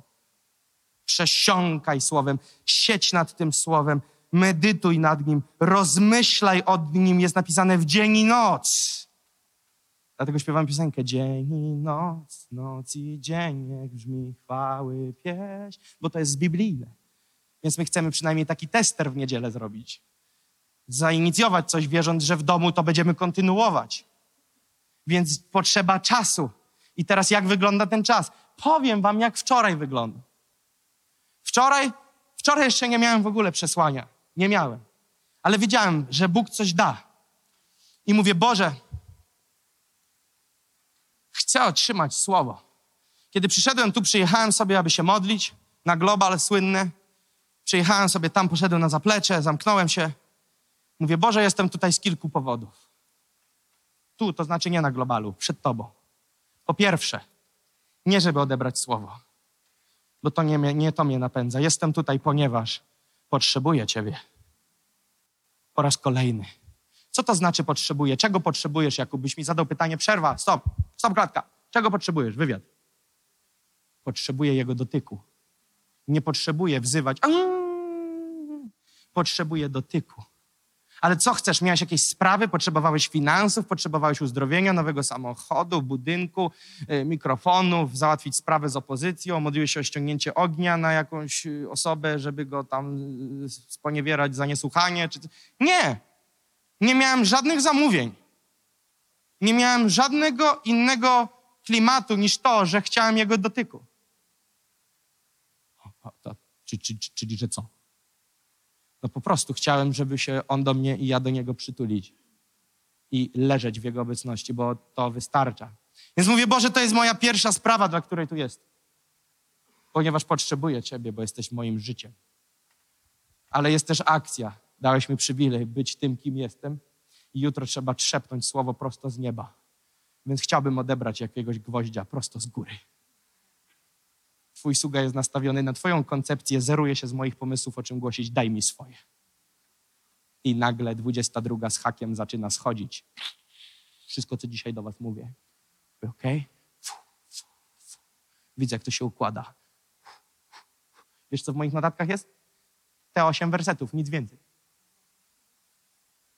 Wiesz, skąd ja to teraz mówię? Bo on mi to wczoraj dał. Ale jak to dał? To ty nauczyłeś się tych słów i teraz je powtarzasz? Nie, on mi dał obraz. A ja teraz na, na bieżąco, na gorąco to przekazuję.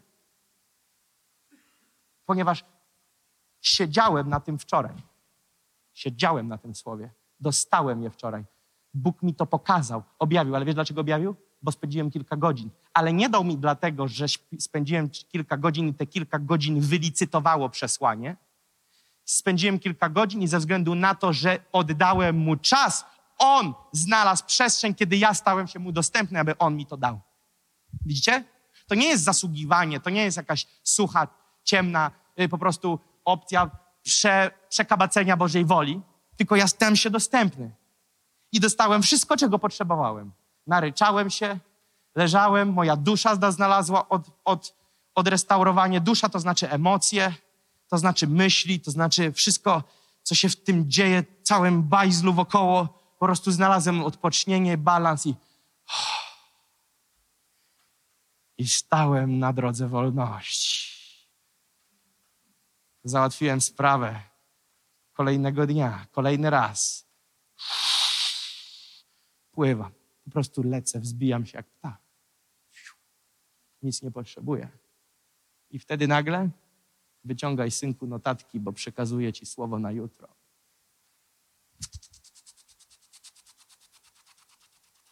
Kopiuj, wyślij do produkcji produkcja na rzutnik i mamy. I mamy. I mamy. I mamy. O, pastorze, ale to wiesz, żebyś ty miał dzieci, mam dwójkę. O, wiesz, żebyś ty miał pracę. Zrobili audyt, wyszło, że pracuje 16 razy więcej niż powinien. O, gdybyś ty miał problemy, no, budżet na ponad 5 baniek w 2022. Chcesz się zamienić? O, gdybyś tym rozumiał moje kłopoty. No, a to, że ludzie, którzy życzyli mi śmierci i modlili się o śmierć moich dzieci, chcesz się zamienić? Wiesz, gdzie jest balans w tym wszystkim? I gdzie jestem w stanie stanąć tu i patrzeć i jechać z góry? Spędzam czas z Panem. Więc jak to wygląda? Powiem wam, jak w moim życiu. Michał, przyjdź i pomów, proszę. Tak wygląda. Nie musi tak być. Włączam sobie uwielbienie. Teraz na żywo się włączę. Dlaczego? Taki model ja mam spędzania czasu z Panem. Ty musisz znaleźć swój. Widzisz, kiedy spotykasz się ze swoją żoną, mężem, nie wiem, mam nadzieję, że się udaje ci, i masz ten swój czas, to wy macie swoje ulubione klimaty. Jeszcze, jeszcze nie? Ok? Przygotuj sobie, przygotuj sobie. Na przykład ty mówisz, kochanie, idziemy na spacer do lasu, bo na przykład mieszkasz przy lesie. I waszym klimatem spędzania czasu jest chodzenie do lasu. Więc wy ze sobą relacje idziecie na spacer, do lasu, wyłączacie telefony lub zostajecie w domu i spacerujecie po lesie. No, ci, którzy mieszkają w lesie, mają ułatwione. Inni natomiast lubią wyskoczyć do kawiarni, pójść, wypić kawę. Tłum ludzi, ale oni widzą tylko siebie. Inni natomiast raz na kwartał wyjeżdżają na dwie doby w góry. Załatwiają niańkę dla dzieci i wyjeżdżają. Inni, no to już wiesz, co tam lubisz. I teraz chodzenie z Bogiem. Bóg jest osobą. On jest oblubieńcem, my jesteśmy oblubienicą. Każdy z nas jest Jego dzieckiem. Mój syn inaczej spędza ze mną czas niż moja córka. I ja jako ojciec znalazłem sposób, w jaki wiem, że umiem spędzić z moim synem i wiem, czego nie umiem zrobić z moim synem i wiem, co lubi moja córka, poznaję, a czego nie lubi. I my nie robimy, że ja do Abi, mojej córki, przychodzę i mówię, tak ja z Dawidkiem się bawię, tak teraz z tobą będę. Nie, bo jest pomiędzy nami relacja, więc ja nauczyłem się relacji z każdym z nich. Moja żona totalnie inaczej bawi się z Dawidkiem niż ja. I kiedyś ja próbowałem ją przekonać do moich zabaw, a ona do swoich. To wyglądało kulawo. I tak samo musisz zrozumieć, jest z Bogiem. Ty jesteś Jego dzieckiem, On jest Twoim ojcem. I Ty musisz odnaleźć sposób nawiązywania z Nim i spotykania się. Teraz pozwól, jeszcze tylko to. Ponieważ jest wymiar życia razem i jest wymiar intymności razem. Ok? Jedno i drugie to dwie inne historie. Tak jak w małżeństwie. Małżeństwo to nie jest łóżko. To nie jest wieczny seks. Ok? Większość dzieci na szkółce, a ci, którzy są, to mieli lekcję biologii. Więc rozumiecie o co chodzi. Niektórzy myślą, o, przepraszam, że ja to powiem, ale małżeństwo to taniec orgazmu. Co ty wymalowałeś za obraz małżeństwa? Małżeństwo to wspólne życie, przedzieranie się przez problemy, napieranie do przodu, wspieranie siebie nawzajem, zachęcanie siebie nawzajem, uzupełnianie, krycie siebie w swoich wadach. Ty nie umiesz kroić cebuli i ja dam rady ze łzami, to dawaj, się wymienimy. Rozumiecie? Działamy razem, aczkolwiek z tą cebulą w moim przypadku też ciężko. Natomiast, rozumiecie co chodzi? To jest iść przez życie razem. I tak fajnie, jak przeżyjemy coś jako małżeństwo w łóżku. Rozumiecie o co chodzi? I teraz z Bogiem, analogicznie do tej historii, tylko zmieniając słownictwa, jest podobnie. Żyjesz z Bogiem, chodzisz z Bogiem, w Jego mocy przeciwstawiasz się ciemności, napierasz, jest pot, jest ciężar. Nehemiasz, Mojżesz, Jozue, Dawid to ludzie, którzy mieli miecz. To ludzie, którzy musieli się przedzierać, to ludzie, którzy musieli iść do przodu. To jest życie. Ale w tym wszystkim był moment, kiedy Jozue schodził z pola walki, mył ręce z krwi, bo urżnął łeb kilku Filistynom w mocy Bożej, mył ręce, szedł do namiotu zgromadzenia, gdzie była Boża obecność i miał intymność z Panem. I tak samo ty i ja. Żyjesz z Bogiem, przedzierasz się, wstajesz w poniedziałek, nie oczekuj duchowego odlotu. Jest życie. Mówisz, Panie, ten nowy chory tydzień będzie zdrowy. Ten nowy czas, w którym zaplanowane są wszystkie pułapki, przejdziemy przez nie razem. Będzie czas, aby świętować na wieczność w górze i się rozluźnić, ale tu zwieracze do siebie i ogień. Lecimy przez to. Duchu Święty w Twojej mocy. Idziemy. Aniołowie rozstawieni z przodu, z tyłu, z lewej, z prawej. Czwórka do mojego syna, czwórka do mojej córki, czwórka do mojej żony. Obstawa dla ciotki moich dzieci. Jedziemy z tym. Służba wstawiennicza, jesteście, działacie, są ataki na nas, są ataki na rodzinę. Obstawcie tyły, przymurujcie to trochę, bo jest przeciek. W duchu diabeł się chce przedostać. Jedziemy z tym, obgadują cię, wybaczam im w imieniu Jezusa i jadę z tym przez życie. I nagle przychodzi wieczór. Wiem, ja też jestem podejrany. I nagle przychodzi ten wieczór, w którym zmywam pył dnia, zmywam tą krew demonów, którym urwałem łeb. Zmywam krew tych porażek, które ponieśli moi wrogowie. W duchu. Siadam i to jest mój klimat. Ja tak znalazłem moje miejsce z Panem. Puszczam sobie uwielbienie. Puszczam sobie cichą muzykę. Nie musisz tak robić, ale ja tak robię. I teraz Pan się do tego przyzna. Tu i teraz. I siadam z Panem. Nic nie gadam. Ile można gadać? Przecież On wie, zanim ja powiem, jest napisane. Więc ja mówię, Panie, jestem, ponieważ chcę doświadczyć.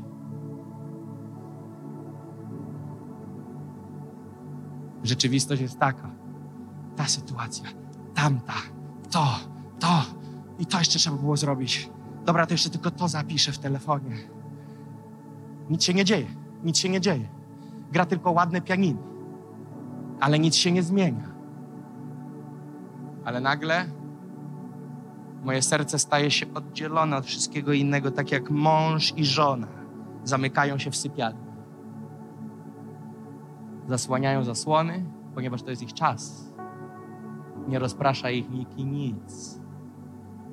Facet przestaje myśleć o pierdałach i o robocie, kobieta przestaje myśleć o głupotach i pierdołach. Są dla siebie. Ona myśli o nim, on o niej.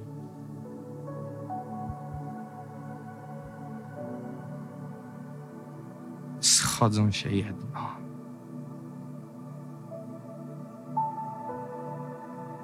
I mają czas zatracenia się. I płyną razem. I płyniesz z Bogiem. Nagle czas przestaje istnieć. Nagle sytuacje tej ziemi już o nich nie wiesz, nie pamiętasz. Jesteś gdzie indziej.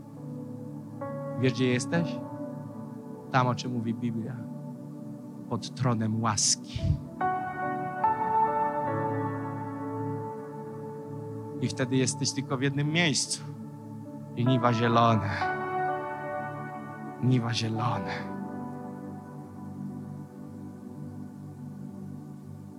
Czasami jesteś w stanie to powiedzieć, czasami już nie, ale twoje serce krzyczy. Tak jak spragniony jeleń pragnie wód płynących, tak moja dusza pragnie Ciebie. I Ty się czujesz jak ten prom kosmiczny, który ciśnie w górę, przebija się przez kolejne fazy, przez kolejne sfery, przez kolejne warstwy. Ale ta Ziemia staje się coraz bardziej niewyraźna i nagle pff, przebiłeś się. Już nic z dołu cię nie dotyka. Wiesz, co to jest za miejsce? Miejsce intymności z Panem. Kiedy przebijasz się przez pewną warstwę i nagle doświadczasz, nie ma żadnej zasłony nie ma żadnej bariery, nie ma żadnego muru, nie ma żadnej przepaści między tobą a nim.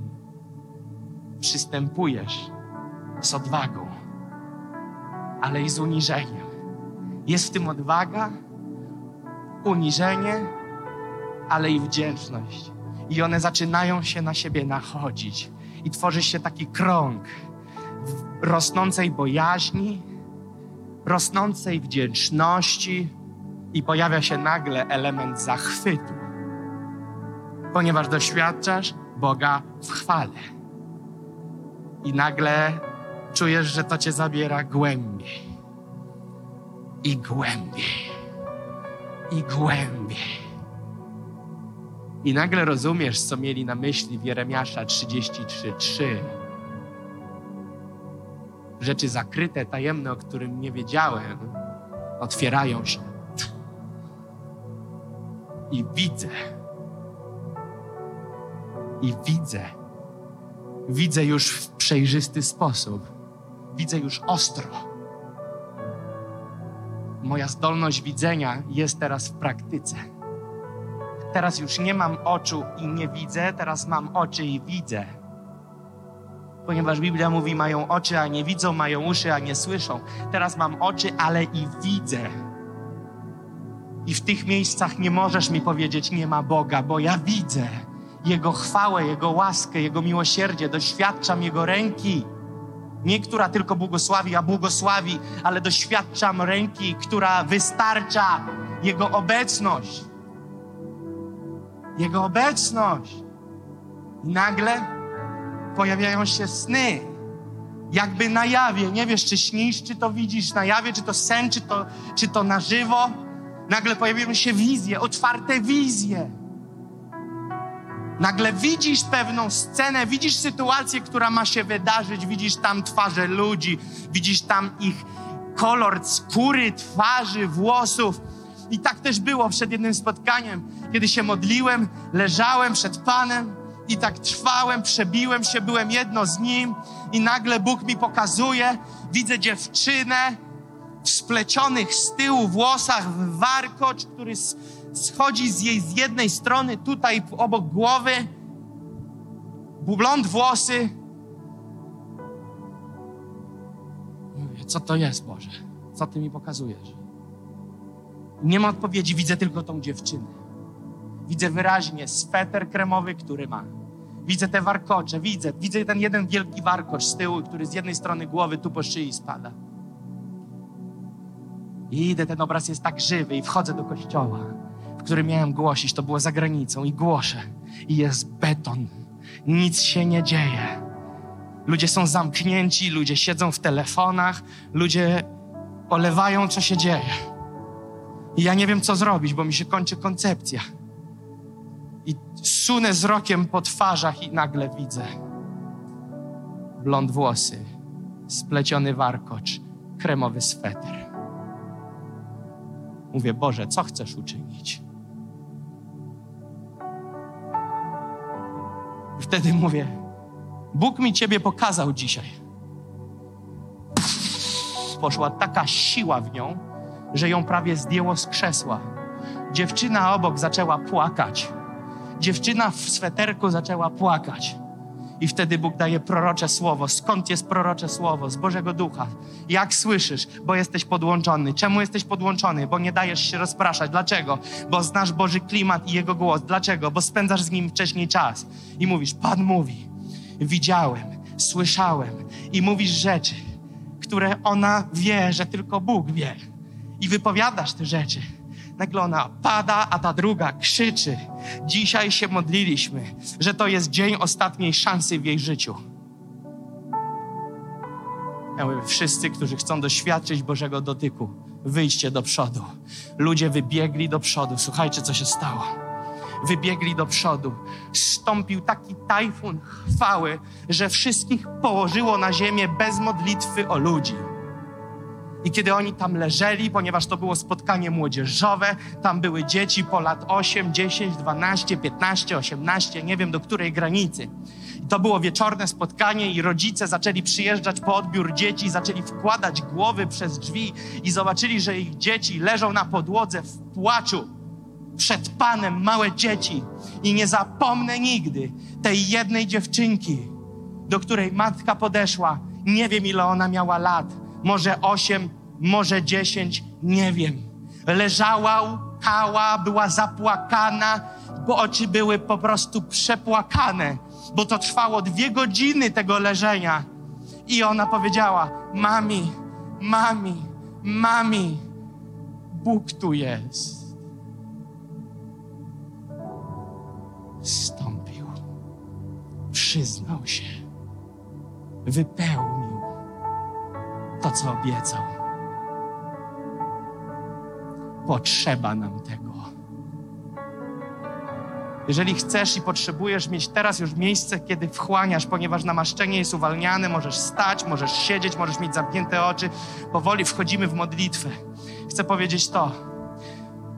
Jak wiecie, w Starym Testamencie był ten model, że była ta świątynia i w tej świątyni był za, zasłoną Bóg i tam była ta Arka Przymierza i w tej Arce Przymierza, przy tej Arce Przymierza, która była z dwóch stron ogarnięta cherubami z lewej i z prawej i te skrzydła cherubów spotykały się z sobą na środku nad Arką.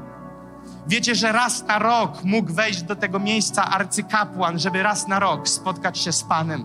Raz na rok.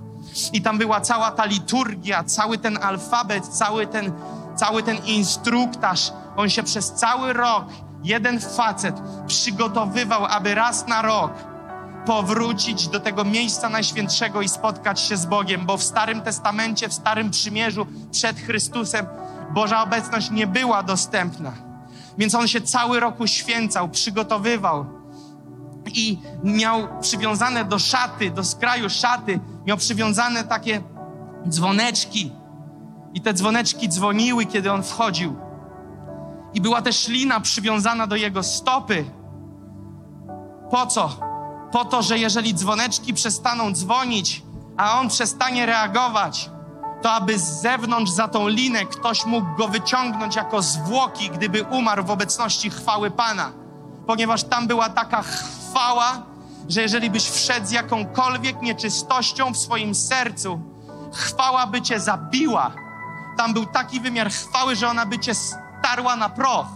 Więc oni jedyną szansę, jaką sobie zostawiali, gdyby umarł arcykapłan, to by wyciągnęli go za tą linę. Ta chwała była w świątyni, w miejscu najświętszym. Aż tu nagle rok 63 naszej ery.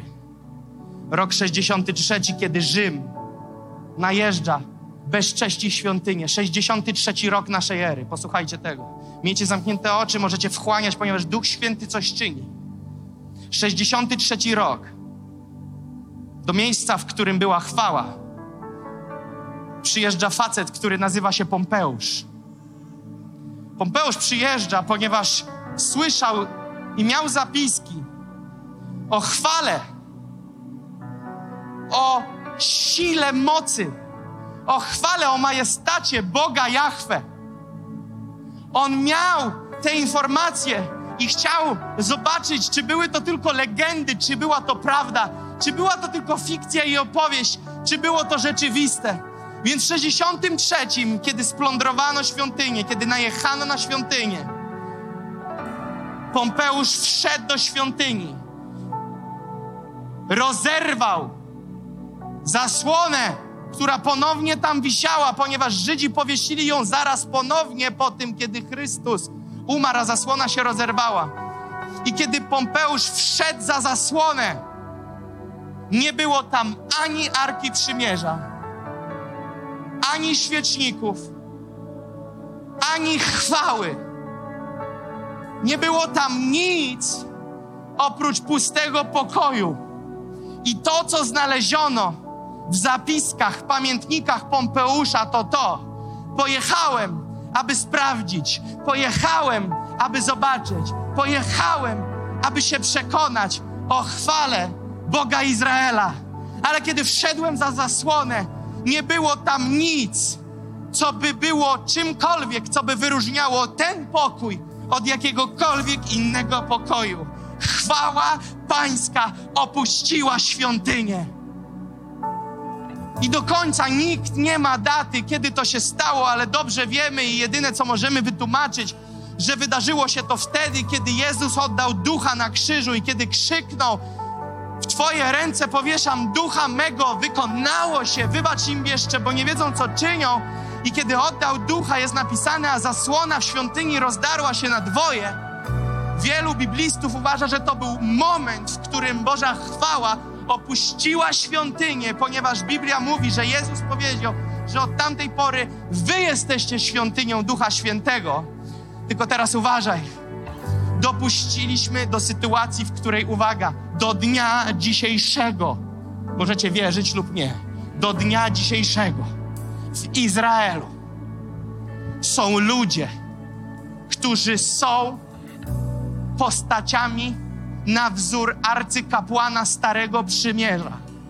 I do dnia dzisiejszego, dwa tysiące lat później, dalej zakładają dzwonki na koniec szaty i przywiązują sobie sznurek do goleni.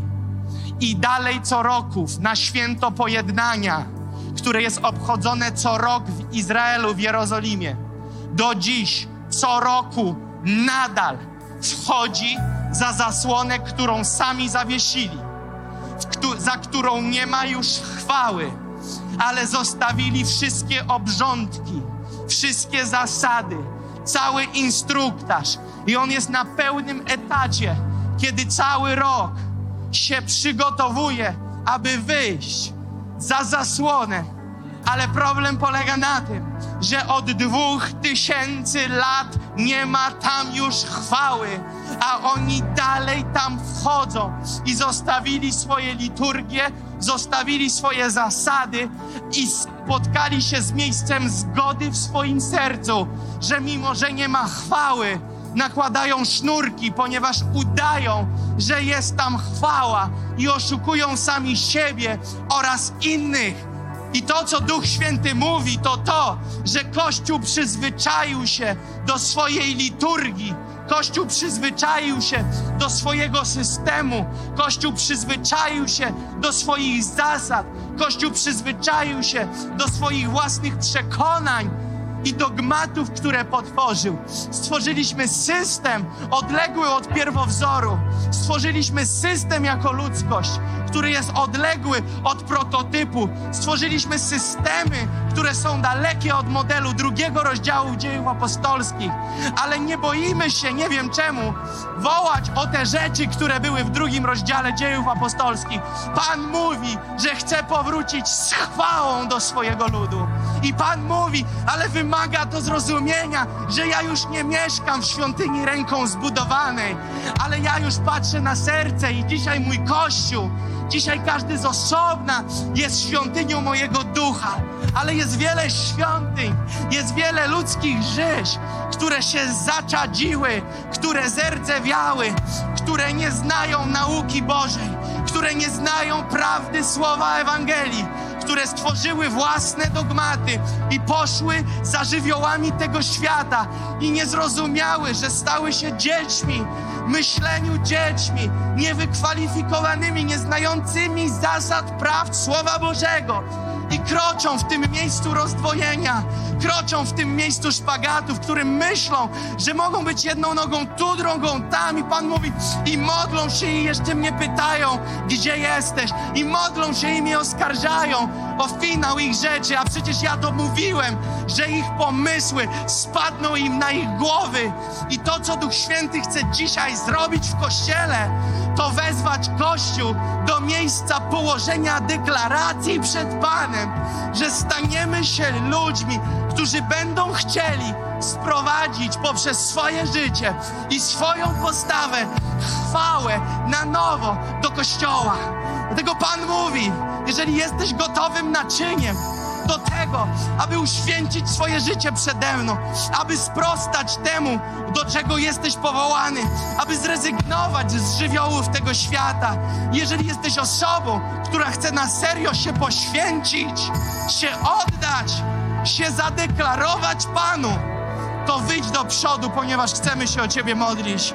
Wyjdź do przodu, tylko jeżeli jesteś zdecydowanym i gotowym, aby zrozumieć, że potrzebujemy stać się dojrzałym Kościołem, że potrzebujemy stać się dojrzałym ludem Bożym, że potrzebujemy stać się dojrzałymi synami i córkami Boga żywego, że nie możemy więcej stać w rozkroku, że nie możemy więcej stać na drodze bezbożnych i krzyczeć Boże, gdzie jesteś, że nie możemy więcej być antyświadectwem, że nie możemy być ludźmi, którzy kładą się i są połamani tymi samymi sprawami i tymi samymi jarzmami, którym jest połamany ten świat. Tylko Pan mówi: Dzisiaj wzywam do pokuty. Dzisiaj wzywam do pokuty. Dzisiaj wzywam Kościół do uświęcenia, do złożenia swojego życia w tym dniu, do położenia pewnego rodzaju deklaracji. To nie jest zwykłe wyjście, w którym chcesz nowego dotyku. Jest to wyjście, w którym chcesz oddać pewną część siebie dzisiaj i powiedzieć: Panie, poświęcę Ci czas, poświęcę Ci czas, poświęcę Ci czas, poświęcę Ci czas. Oddam się, oddam się, oddam się. Nie będę człowiekiem miotanym lada wiatrem. Nie będę człowiekiem, który będzie opierał się o chcę lub nie chcę. Nie będę opierać się o widzi mi się. Nie będę opierać o czuję, nie czuję, ponieważ jest czas, aby oprzeć się o posłuszeństwo i o dyscyplinę, która wykracza ponad to, co ci się chce, ponad to, co czujesz i ponad to, na co masz ochotę. Więc jeżeli jesteś gotowy i gotowa, aby pokutować, aby naprawdę pokutować, aby naprawdę pokutować, to to jest to, co Duch Święty chce zrobić. To jest to, co dzisiaj Kasia czytała podczas uwielbienia. Sercem skruszonym i złamanym, duchem skruszonym i złamanym Bóg nie wzgardzi. Jeżeli jesteś taką osobą, która gotowa jest skruszyć się przed Panem dzisiaj, skruszyć się przed Panem, skruszyć się przed Panem i powiedzieć, Panie, nawet jeżeli nie umiem być złamana, złamany przed Tobą, złam mnie. Nawet jeżeli nie chcę być złamana, Daję Ci wolę, Panie, abyś zrobił to w sposób taki, jaki możesz, ponieważ nie wiem, jak do tego dojść, ale chcę tego.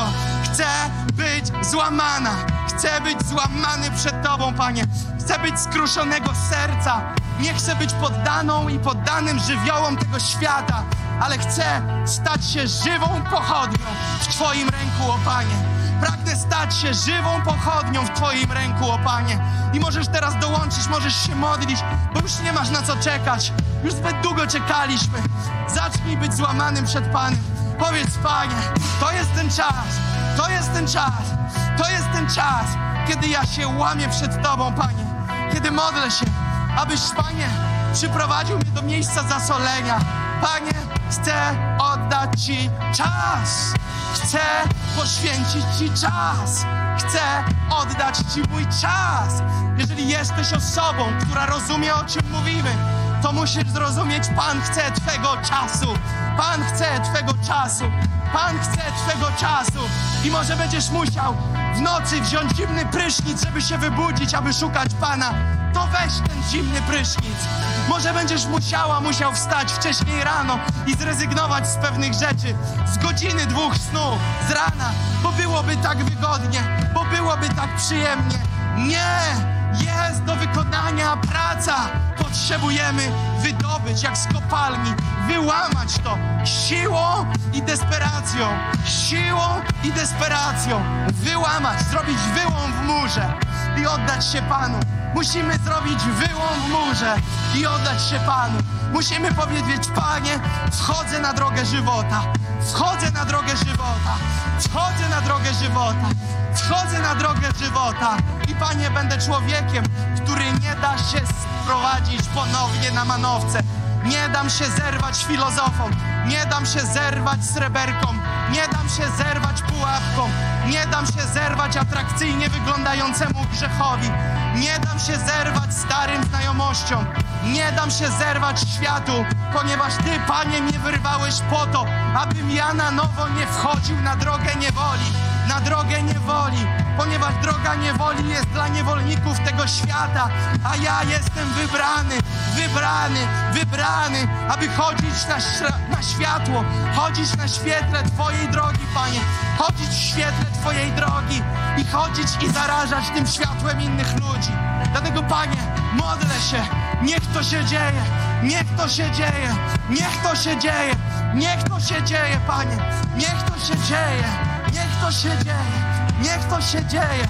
Powiedz, Panie, namaś mnie, namaś mnie, namaś mnie, namaś mnie.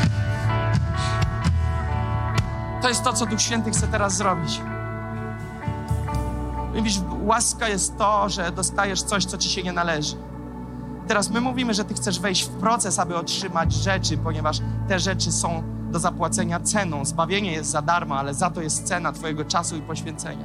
Ale to, co Duch Święty mi pokazał, to to, że jeżeli naprawdę kruszysz dziś swoje serce przed Panem tu i teraz, tu i teraz, to jest to, co Duch Święty dzisiaj wieczorem mi pokazał, wczoraj wieczorem, że On chce Ci dać dzisiaj z tej swojej łaski świeży dotyk. Dziś, tu i teraz. Pewnego rodzaju miałem obraz takiego testera.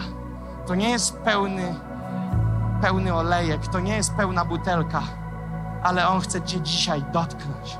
Pod warunkiem, że nie szukasz do, dotyku, aby było miło, ale ponieważ chcesz, aby ten dotyk zainicjował ten proces, do którego zdecydowałaś się wejść. Więc teraz, kiedy będziemy się modlić przez kilka kolejnych chwil, chciałbym, żeby nikt nie wychodził, żebyśmy wszyscy trwali w modlitwie. Zespół nas poprowadzi. Będziemy, będziemy prowadzić ten czas i chcę, żebyście krótko teraz przed Panem oddali, oddali to Panu, oddali swoje, swoją decyzję. Chcę przypomnieć, to nie jest wyjście, ponieważ tak się co tydzień wychodzi. To jest Twoja decyzja. Będę chciał bardzo szybciutko przejść do każdego z Was, włożyć ręce na każdego z Was na krótką chwilę, bez długiej modlitwy. Krótki dotyk Ducha Świętego. Ale to jest między Tobą a Nim. Ja Ci nic sam nie mogę dać. To jest między Tobą a Nim. Dlatego teraz proszę, żebyśmy się zanurzyli. Zatrać się w Nim. Wołaj.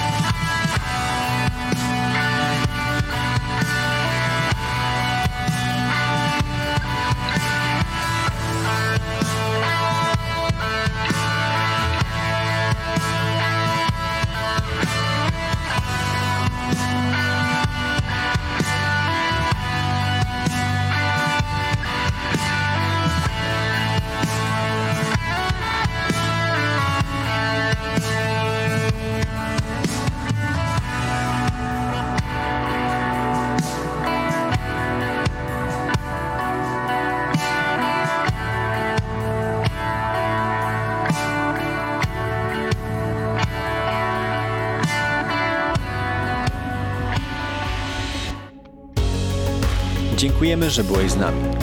Jeśli chcesz dowiedzieć się więcej o naszych działaniach lub nas wesprzeć, zapraszamy Cię na www.nationsonfire.org ukośnik nowchurch.